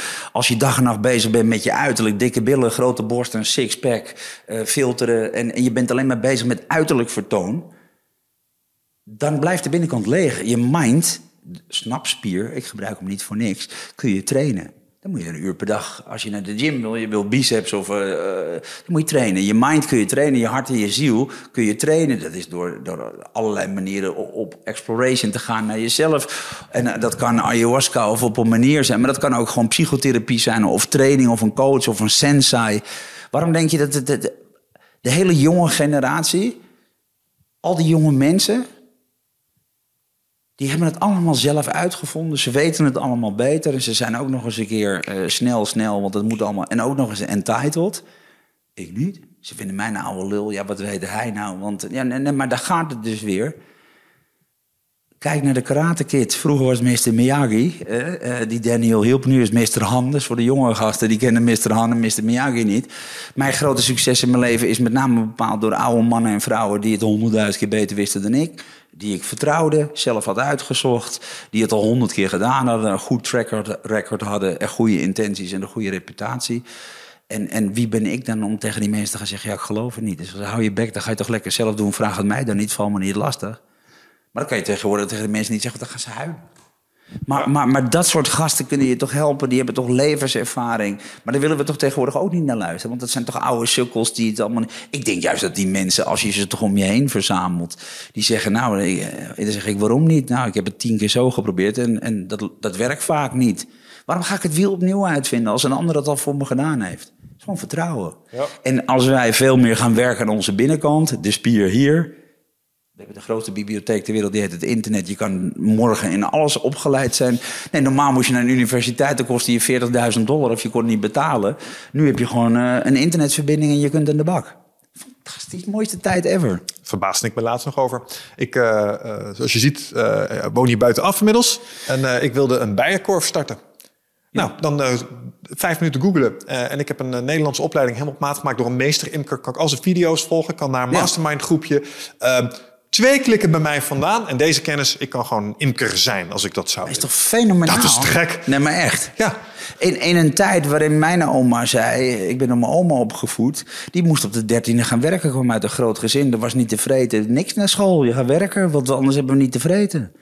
Die, die, die, die, die wilde op de 70ste, 73 moedermavo gaan doen. Ik zweer het je. Want dat was het bewijs voor de bevestiging dat ze iets niet had kunnen doen. En altijd had getwijfeld, kan ik dat? Elon Musk zegt toch ook wel eens, ja, het vervelende is van al die academici... is als het niet in een boekje staat, dan weten we de oplossing niet. Eh, met het internet kan je alles vinden. Jouw voorbeeld, mijn voorbeeld, je- je- je- alles is er. Nou, dan is het toch wel een mooie tijd. Voor mensen die educatie is het allerbelangrijkste, denk ik, voor je toekomst. Eh, persoonlijke ontwikkeling, groei. En het kost ook nog eens niks. Nou, en soms moet je wat betalen, maar Ja. ik bedoel, er is... Wauw, wat een tijd. Ik zit met de laatste tijd, eh, eh, een guilty pleasure van mij is op archive.com. Ga ik eh, oude, oude Arabische alchemistische manuscripten. Ga Ja, ik ja. zitten door. Er staat een mooi plaatje in. Het ziet allemaal super esoterisch uit. Ja, ja, ja, lekker ja. occult. Ik, ik geloof er verder niks van. Maar ik, ik vind het mooi. Maar dan zit ik ook wel eens van, what the fuck eigenlijk man? Ik zoek hier nu op een boek. Nou vind ik dat dus helemaal ingescand. Dus ik kan het in de oude bedrukking kan ik het gewoon doorbladeren in mijn browser hier. Dit is ergens in de bibliotheek een keer gedigitaliseerd. Het zijn niet alleen deze boeken, het zijn alle boeken. Ja, ja, ja. is- Alle boeken kun je vinden op. Fenomenaal, Dat toch? is ridiculous. Maar dan zit je dus in het ding waarin je... Ik zie heel veel mensen omheen, die gaan als een raket. En ik denk dat ik... eh, Ik wil heel veel mensen graag helpen. Maak een mix van je... En misschien heb je die nog niet. Purpose, missie of cause of, of, of true North Star. Dat is misschien pas wat later. Sommige mensen weten het op hun derde jaar al. eh, maar de mix tussen purpose, passie en paycheck en eventueel je lifestyle bepaalt zo'n beetje, denk ik, de keuzes die je wil maken. Ik merk dat heel veel jonge mensen luisteren vooral naar ouders en naar maatschappij. Hou allemaal je bek, geef me advies twee keer, maar daarna, het is mijn leven. Ik doe wat ik wil. Je hoeft mij niet te vertellen wat maatschappelijk wel of niet gepast is. Doe epic shit. En, en veel meer mensen moeten proberen los te komen van dat stigma en de maatschappij en wat iedereen verwacht. En judgmental en vingertjes. Flikker op, leef je eigen leven. Begin eens met je Wikipedia-pagina 20, 30 te schrijven. Waar sta jij over tien jaar en waarom? En wie ben jij en waarom? En op basis van welke Ja. helden doe je dat? En niemand doet het. Want ik heb op Instagram een paar mensen gevraagd. Ja, ik ben ermee bezig. Ik zeg, hoe lang al? Een jaar? Nee, ja, maar ik bedoel, zoveel tijd besteden aan onszelf. En er zijn er een paar bij die pakken het op en die gaan als een raket. Ja, man. En hoe mooi is het nou dat je ook nog eens een keer iets kunt gaan creëren, namelijk je eigen fucking toekomst, met een beeld waarvan jij wilde dat graag en je kunt het zelf maken. Net als we de planeet een richting op kunnen draaien die Straks is er misschien af en toe nog een keer oorlog, maar in ieder geval niet een miljard mensen die doodgaan van de honger en hun kinderen niet tegen. En, en, en misschien is er nog een mooie natuur en planeet. Dus we kunnen het allemaal zelf doen. Maar op individueel niveau liggen heel veel kansen. Ja. Ik denk dat mensen onderschatten eh, hoeveel effect eh, op die manier eens nadenken over je leven of je onderneming, of wat het ook maar is met je professionele carrière. Ja, ja, Eh, hoeveel effect dat heeft op je gedrag op een onbewust niveau. Gewoon één keer een ja. Schrijfinterventie voor jezelf doen van een uurtje. Ja, ja. Waarin je gewoon, eh, eh, nou, dit zou ik binnen vier jaar of tien jaar willen bereiken op het gebied van werk, educatie, liefde, Ja. geld. Ehm, Maar de meeste mensen kunnen nog niet naar morgen kijken. Ze zijn zo kortzichtig. Maar dat, ga, dat denk ik ook wel eens. Eh, de, de, de enorme kansen die het biedt. Als je kijkt naar wa- wat je zelf graag zou willen en waarom. Hè, een paar dromen opschrijven. Wat wil je graag zien? Wat, welke, welke plekken op de aarde wil je graag zien en waarom? Wil je een taal leren of niet? En breekt die iets voor je open of niet? Eh, Is dat een ticket communicatie voor de Spaans leren of Engels leren? Is voor sommige mensen open de hele wereld voor je. Eh, de, de, de, de ideeën die jij zegt, moet je kijken wat een mooie dingen er zitten in zelfontwikkeling. Maar dan is zelfontwikkeling, denk ik, voor heel veel mensen eh, misschien iets wat in fase 2 van het leven komt. Want ik kan me ook voorstellen dat je eerst bezig bent met... je moet je schaapjes op bedroog hebben, je moet toch een broodje kunnen verdienen... je moet je huur kunnen betalen of je hypotheek. Eh, dat betekent dat je wat centjes in het laadje moet brengen, eh, meer dan dat je uitgeeft. Dus heel veel mensen zijn ook in een andere fase van hun leven nog bezig met zichzelf op de rit krijgen. Hè? Heb ik straks een, eh, kan ik een huisje huren of kopen? En eh, kan ik straks een gezin starten en onderhouden? Dus in de eerste fase in leeftijd snap ik ook dat heel veel mensen helemaal niet zo bezig zijn. Want ik, dat was ik vroeger ook niet. Dan was ik ook aan het overleven, aan het zorgen dat ik mislukte voetbalcarrière weer. Maar ik wist wel heel goed op lange termijn waar wil ik graag heen en waarom. En dat mag je ondertussen nog honderd keer bijstellen. Dat is ook een hele belangrijke. Want mensen denken altijd dat het in één keer... Ja, nou heb ik dit bedacht en nou is het dit niet geworden. Nee. Ja, lekker boeien. Eh, je bent een pad opgegaan, je hebt informatie opgedaan. Ja. Je kwam achter, dit liep dood. Oké, nu gaan we terug, gaan we een ander pad in. Maar dit weten we nu, dus dat is oké. En je verandert als mens, denk ik ook tussen 30 en 40 word je weer anders. Tussen 40 en 50. Hè, Als je kinderen en kleinkinderen krijgt, krijg je weer een heel ander pad van bezorgdheid en teruggeven. Nou, iets, Wat, wat, wat, ik, iets wat ik vandaag merk, waarom, eh, waarom iedereen eigenlijk ehm, zou moeten werken met een mentor die iets ouder wordt. Want ik merk het in mezelf. Ik loop ongeveer acht jaar achter jou aan. Volgens mij, ik ben 42 momenteel. En ik merk dat naarmate ik dichter bij de 50 komt, ik geef minder om shit. Dus meningen van anderen, wat mensen vinden van wat ik zeg.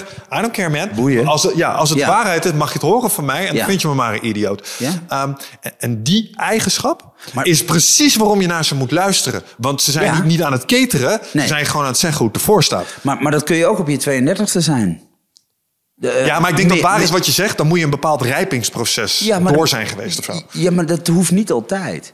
Je kunt ook een rijpingsproces sneller door aan de hand van een sensei of aan de Ja, hand van ja, een mentor. ja. De, de- en, en ook het vertrouwen hebben dat je het gewoon eens probeert. Ik, ik had dat op mijn 6, 28ste al. Alleen dan dacht ik bij mezelf, ja, ik, ik, ik had ook over alles een mening en ik vond van alles. Alleen degene aan wie ik het vroeg had het al acht keer gedaan. Nou, Beuken, dan moet je heel gauw je bek houden. Het eerste is vier keer zo proberen. En als je kunt lopen, kan je misschien een keer gaan rennen of zonder zijwieltjes fietsen. Maar dat is ook gewoon een stuk discipline. Nou, je, zei, je zei het net al, twee keer volgens mij, Sensei. Ik denk dat vechtsport een fantastisch Nou, voorbeeld is... hoe je gewoon naar een oude wijze man mag luisteren... die jou vertelt hoe je het probleem vechtsport oplost. Oeh, sensei. Hoe is Sensei? Ja, maar die sensei moet respect hebben, waarde. Maar kunnen wij dat nog inschatten? En daar bedoel ik dus mee, als wij op de verkeerde rolmodellen of de verkeerde mensen varen die dropshipping doen en Bentleys en Ferraris rijden omdat ze drie. Ja, of ja, ja, ja. roepen, je moet gaan ondernemen, want dan heb je vrijheid. Nee, Piemel, dat is nou niet helemaal waar. Want als je gaat ondernemen, heb je alles behalve vrijheid. Dus wie vertelt je deze verhalen? En dan mag je best challenge de status quo. Vraag wat feedback van mensen die het eerlijk voor hebben met je. En niet in, je in een programma willen lokken of je iets willen verkopen of je allerlei dingen. Sommige mensen zeggen gewoon, hé hey, luister, ik hoef niks van je, ik wil niks van je. En wat je doet moet je zelf weten. Als je het eerlijk wil weten, hou hier en hier eventueel rekening mee. Bye. Ja. Doe het op deze manier. Nou ja, kan. Maar, maar, maar zorg, en vooral het advies, wat bij jou past. Mijn zoon vraagt ook wel eens vaak, hoe zou je dat doen? Ik zeg, ik ben jou niet, bro. Jij bent een heel ander persoon. Dus gelukkig hoef jij niet de keuze te maken die ik maak. Ik zou het zo doen omdat het goed bij mij past. Heel veel mensen met een baan of een toekomst. Ze weten het niet. Ja, we willen 200 euro bruto meer verdienen. Ik zeg, hou eerst eens gewoon even je kop over geld. Wat, welk soort bedrijf past bij jou als persoon? Hoe doe je? Ik zeg, pas je bij de Corporate Royal Navy? Een hiërarchische cultuur met vier strepen, KLM, maar je vier strepen krijgt als je purser bent. En Ja, ja. purser. Dit- Wil je in die cultuur of moet je bij een klein familiebedrijf of een bedrijf waar je veel verantwoordelijkheden hebt? Of zit je bij de ABN AMRO waar je je pensioen kunt halen met een gouden horloge? Of de, wat past bij jou als persoon? En pas daarna ga je kijken of de vacature en het geld en de invulling. Ik bedoel, als je eh, eh, accountant bent of boekhouder, kan je dat in honderd soorten bedrijven doen. Wat past nou bij jou als persoon en waar word je happy van? En dat zou een matchmakingbedrijf aan de andere kant ook op moeten doen. Wat voor soort persoon ben jij? Wat voor cultuur past bij jou? Dat je goed bent in je functie, in je vacature, zie ik aan je werkervaring en, en, en in de test en in de score. Maar wat is het fijne matchmaking? En daar komt veel meer bij kijken dan een vacature en een bruto salaris per maand of een dat. En die culture matchmaking is denk ik belangrijk. Daar word je happy van of bloed je dood. Ja, ik, ik denk dat daar klopt. Wat, wat laatst een kortje viel bij Kees Klomp hier, is dat er wordt gekeken ook in dat soort dynamieken naar de verkeerde metrics. Eh, welvaart versus welzijn. Eh, want als je dat Ja. ding doet wat jij zojuist omschrijft, dan is je welzijn in ieder geval twee, drie punten gemiddeld hoger, denk ik. Eh, en dan zul je merken dat die 200 bruto waar jij je druk om aan het maken was, die worden ineens iets minder belangrijk. Maar, maar daar kun je nog steeds druk om maken. Ja, nee, 100%. Maar als je eerst maar drie clubs hebt waar de cultuur goed past, dan kun je de- dan eens gaan kijken waar. Dus het een sluit het ander niet uit. Ja. Igor, ik heb nog één vraag voor jou als eh, Ja. individu. Want eh, eh, ik- vind nogmaals dat je... je bent met goede dingen bezig. Want je, je staat aan de voorkant, sta je tegen dit soort eh, systemen eh, sta je aan te drukken. En ik denk dat het belangrijk is en het, het helpt met een stukje awareness. We hebben het er straks ook al een klein beetje gehad over de heroic journey. En een, een heroic journey heeft altijd bepaalde componenten erin. En ik ben altijd even benieuwd hoe mensen omgaan met het volgende. Want als ik mijn goede dingen probeer te doen, dan merk ik dat ik soms word blootgesteld aan verleiding. Uitstelgedrag, andere dingen interessanter vinden. eh, status, ego, weet je wel. Dus ik, ik kan me ook laten verleiden door die dingen. Stel, ik ben de duivel. En ik probeer Igor van zijn pad af te brengen. Nou, De duivel zit regelmatig op mijn rechter schouder. Hoor. Wat, Dus wat, fluistert hij dan? Foxen, ze zijn het niet waard, eh, ga lekker wat anders doen. Eh, ik kan heel slecht tegen onrecht. Ik vind het Malala-Kim-verhaal in cijfers verkeerd. Dat heb ik natuurlijk ook. Eh, ik bedoel, eh, Gary Vee vind ik een prachtige, mooie jongen met veel geschreeuw. En hij heeft het natuurlijk gemaakt. Als je naar zijn likes kijkt, doet zijn mond nooit open in de pandemie. Is staat eigenlijk nergens voor. Ook een beetje fake it till you make. Een soort Kim Kardashian op dat gebied. Eh, daar, heb ik, daar heb ik soms heel veel moeite mee. Waar, waar doe je het voor? Dus de intrinsieke motivatie en de driver. Ik heb het niet nodig. Ik kan ook met mijn reet op het strand gaan zitten. En dat kan ik nog 400 jaar volhouden. Eh, ondanks dat ik weinig likes heb. Dus, dus de mensen die mij advies geven af en toe over dat het met mijn leven niet goed komt. omdat mijn Instagram-likes te, la- te laag zijn. Nee, maar die mensen menen dat ook echt. Ja, nee, nee, maar, maar- nee, maar, nee, maar echt serieus. Dus ik laat het maar een beetje. Maar wat moet de duivel nog meer doen bij mij? Want die komt natuurlijk met heel vaak langs. Nee, nee, nee, maar, maar mijn vraag is, kijk, ehm, eh, dus wat ik hoor is dat er soms, als de duivel je van je pad af probeert te, te halen, Ja. eh, dan, dan speelt die in op een stukje bitterheid en cynisme, waardoor jij denkt, ze verdienen het misschien niet eens. Ja, tuurlijk. Wat zeg je dan tegen die duivel? Maar wat, wat zorgt ervoor dat je dan zegt... Fuck it, ik ga hier, middelvinger voor jou. Ik ga het toch doen. Nou, die duivel geeft me ook kracht. Want ik weet ook dat die duivel een bepaalde realiteit met zich meebrengt. En die omarm ik. En ik weet dat ik het voor 2% doe en voor die andere 98% die denkt dat ik gek ben. Dus als die 2% niet meer vervulling voor mij is. Dus die duivel heeft ook in een stukje gelijk. De, een hoop zijn het ook niet waard. Maar dat, dat wil er niet zeggen dat ik van mijn koers of mijn missie afraak. Ja. Want ik ben voor de duivel nog niet bang. En zo is het. En, en, en, en, maar ook niet voor God en ook niet voor het universum. Ik ben er een hele rare jongen in. En, en dat vinden mensen soms arrogant. En ik denk dat het juist heel humble is en, en, en heel realistisch is. Uh, je gaat op je leven, in het leven op je bek. En we zijn heel paradoxaal. En, en ik heb kanker gehad en ik rook. Dus ja, moet ik, moet, ik, moet ik nou gaan zeggen dat ik niet hypocriet ben? Ik ben ook maar gewoon een mens. Mm -hmm. Laten we daar nou maar eens mee beginnen. nee, nee, nee, maar ik bedoel, we hoeven. Maar, maar, maar ik, ik ben niet op heksenjacht. En wat ik heel bijzonder vind, en dat is natuurlijk mooi. Uh, kijk, als het voor mij onmogelijk wordt, dan kom ik mijn bed uit. De, de, dus als het een. Nee, nee, nee. Het moet een uitdaging. Er moeten. één duivel is niet genoeg. Er moeten er zeven zijn die zeggen: dat, dat gaat jou echt niet lukken, Gorilla. Dan denk ik, wacht even, ik ben Gandalf, ik heb een magic stick. Kan ik die duivels terug... Nee, nee, nee, nee, nee, maar ik bedoel, als het niet Mission Impossible is... Blijf, ben ik een artiest, blijf ik in mijn nest liggen... dan doe ik niks meer. Het moet Mission Impossible zijn, want dan wordt Igor Beuken gelukkig. Hoe heette dat uh, Prodigy-album ook alweer? Always outnumbered, ja. never outgunned. Ja, ja, ja. ja, dat, ja, dat nou, maar, ja. ja. Maar, maar, maar daar zit natuurlijk ook duivel, smack my bitch up... en andere dingen in waar je gewoon ook mee te maken hebt. En het is ook alleen maar goed. En als je dat durft te onderkennen... denk ik dat het alleen maar fantastisch is. En... en um, Kijk, de oerdrijvers, en daarvoor kan ik natuurlijk ook heel veel dingen. Waarom kan ik dingen die anderen niet kunnen? Waarom als je zeven dagen in elkaar getikt wordt in een cel in Istanbul... mensen zeggen, hey, je hebt ook mooie tanden. Ja, ja, ja heb ik ook. Uh, voor zolang ze er nog in zitten. Ik heb ook een zoon. Die moet ik ook een keer onder de ogen komen en zeggen... Gast, luister eens. Er komt ook misschien een dag dat je vader niet meer thuis komt. Sta je nog steeds achter mijn missie? Dus ik moet de duivel uitspreken. Dat is een volwassen manier van verwachtingen managen die ook eerlijk is. Ik kan het ook met een Hugo Jonge de verhaaltje een beetje anders allemaal maken. En dan, zo ga je niet met elkaar om. Dus soms moet je gewoon brutally honest zijn en zeggen wat er gebeurt. En, en, ook in de, en misschien verandert het over vijf jaar wel mis. En zeg ik bij mezelf, ik vind het niet meer waard. Niet met ten koste van alles. Nou, ben ik dan een loser? Nee, dan ben ik veranderd in dat ik me toon iets matig op de momenten dat ik weet dat ik eh, een hele gevaarlijke uitwedstrijd speel. Ja man, nou, voor wat het waard is. Ik hoop dat het langer dan vijf jaar nog door mag gaan voor ja? je. Ja, ja vind ik ook. Weet je waarom? Als ik ga, ga ik met een Big Bang. Dat hoort ook een beetje. Je moet, je moet, nee, nee, nee. Ik ben nou niet het type. Laat ik, daar was ik in de pandemie wel eens bang van. Dat ik van ellende zou overlijden in mijn slaap. Zo, zo erg vond ik die periode. Mm. En maakt me dat zwak? Nee. Vinden mensen het eng? Ja, dat kan je toch niet zeggen? Ik zeg, ik ben nog steeds publiek spreker, onafhankelijk. Ik zeg wat ik wil. Niemand snoert mij de mond. En als ze dat wel doen, moeten ze heel goed richten. En, en nee, nee, nee, maar, nee, maar dat meen ik serieus. Dan moeten ze echt heel goed richten.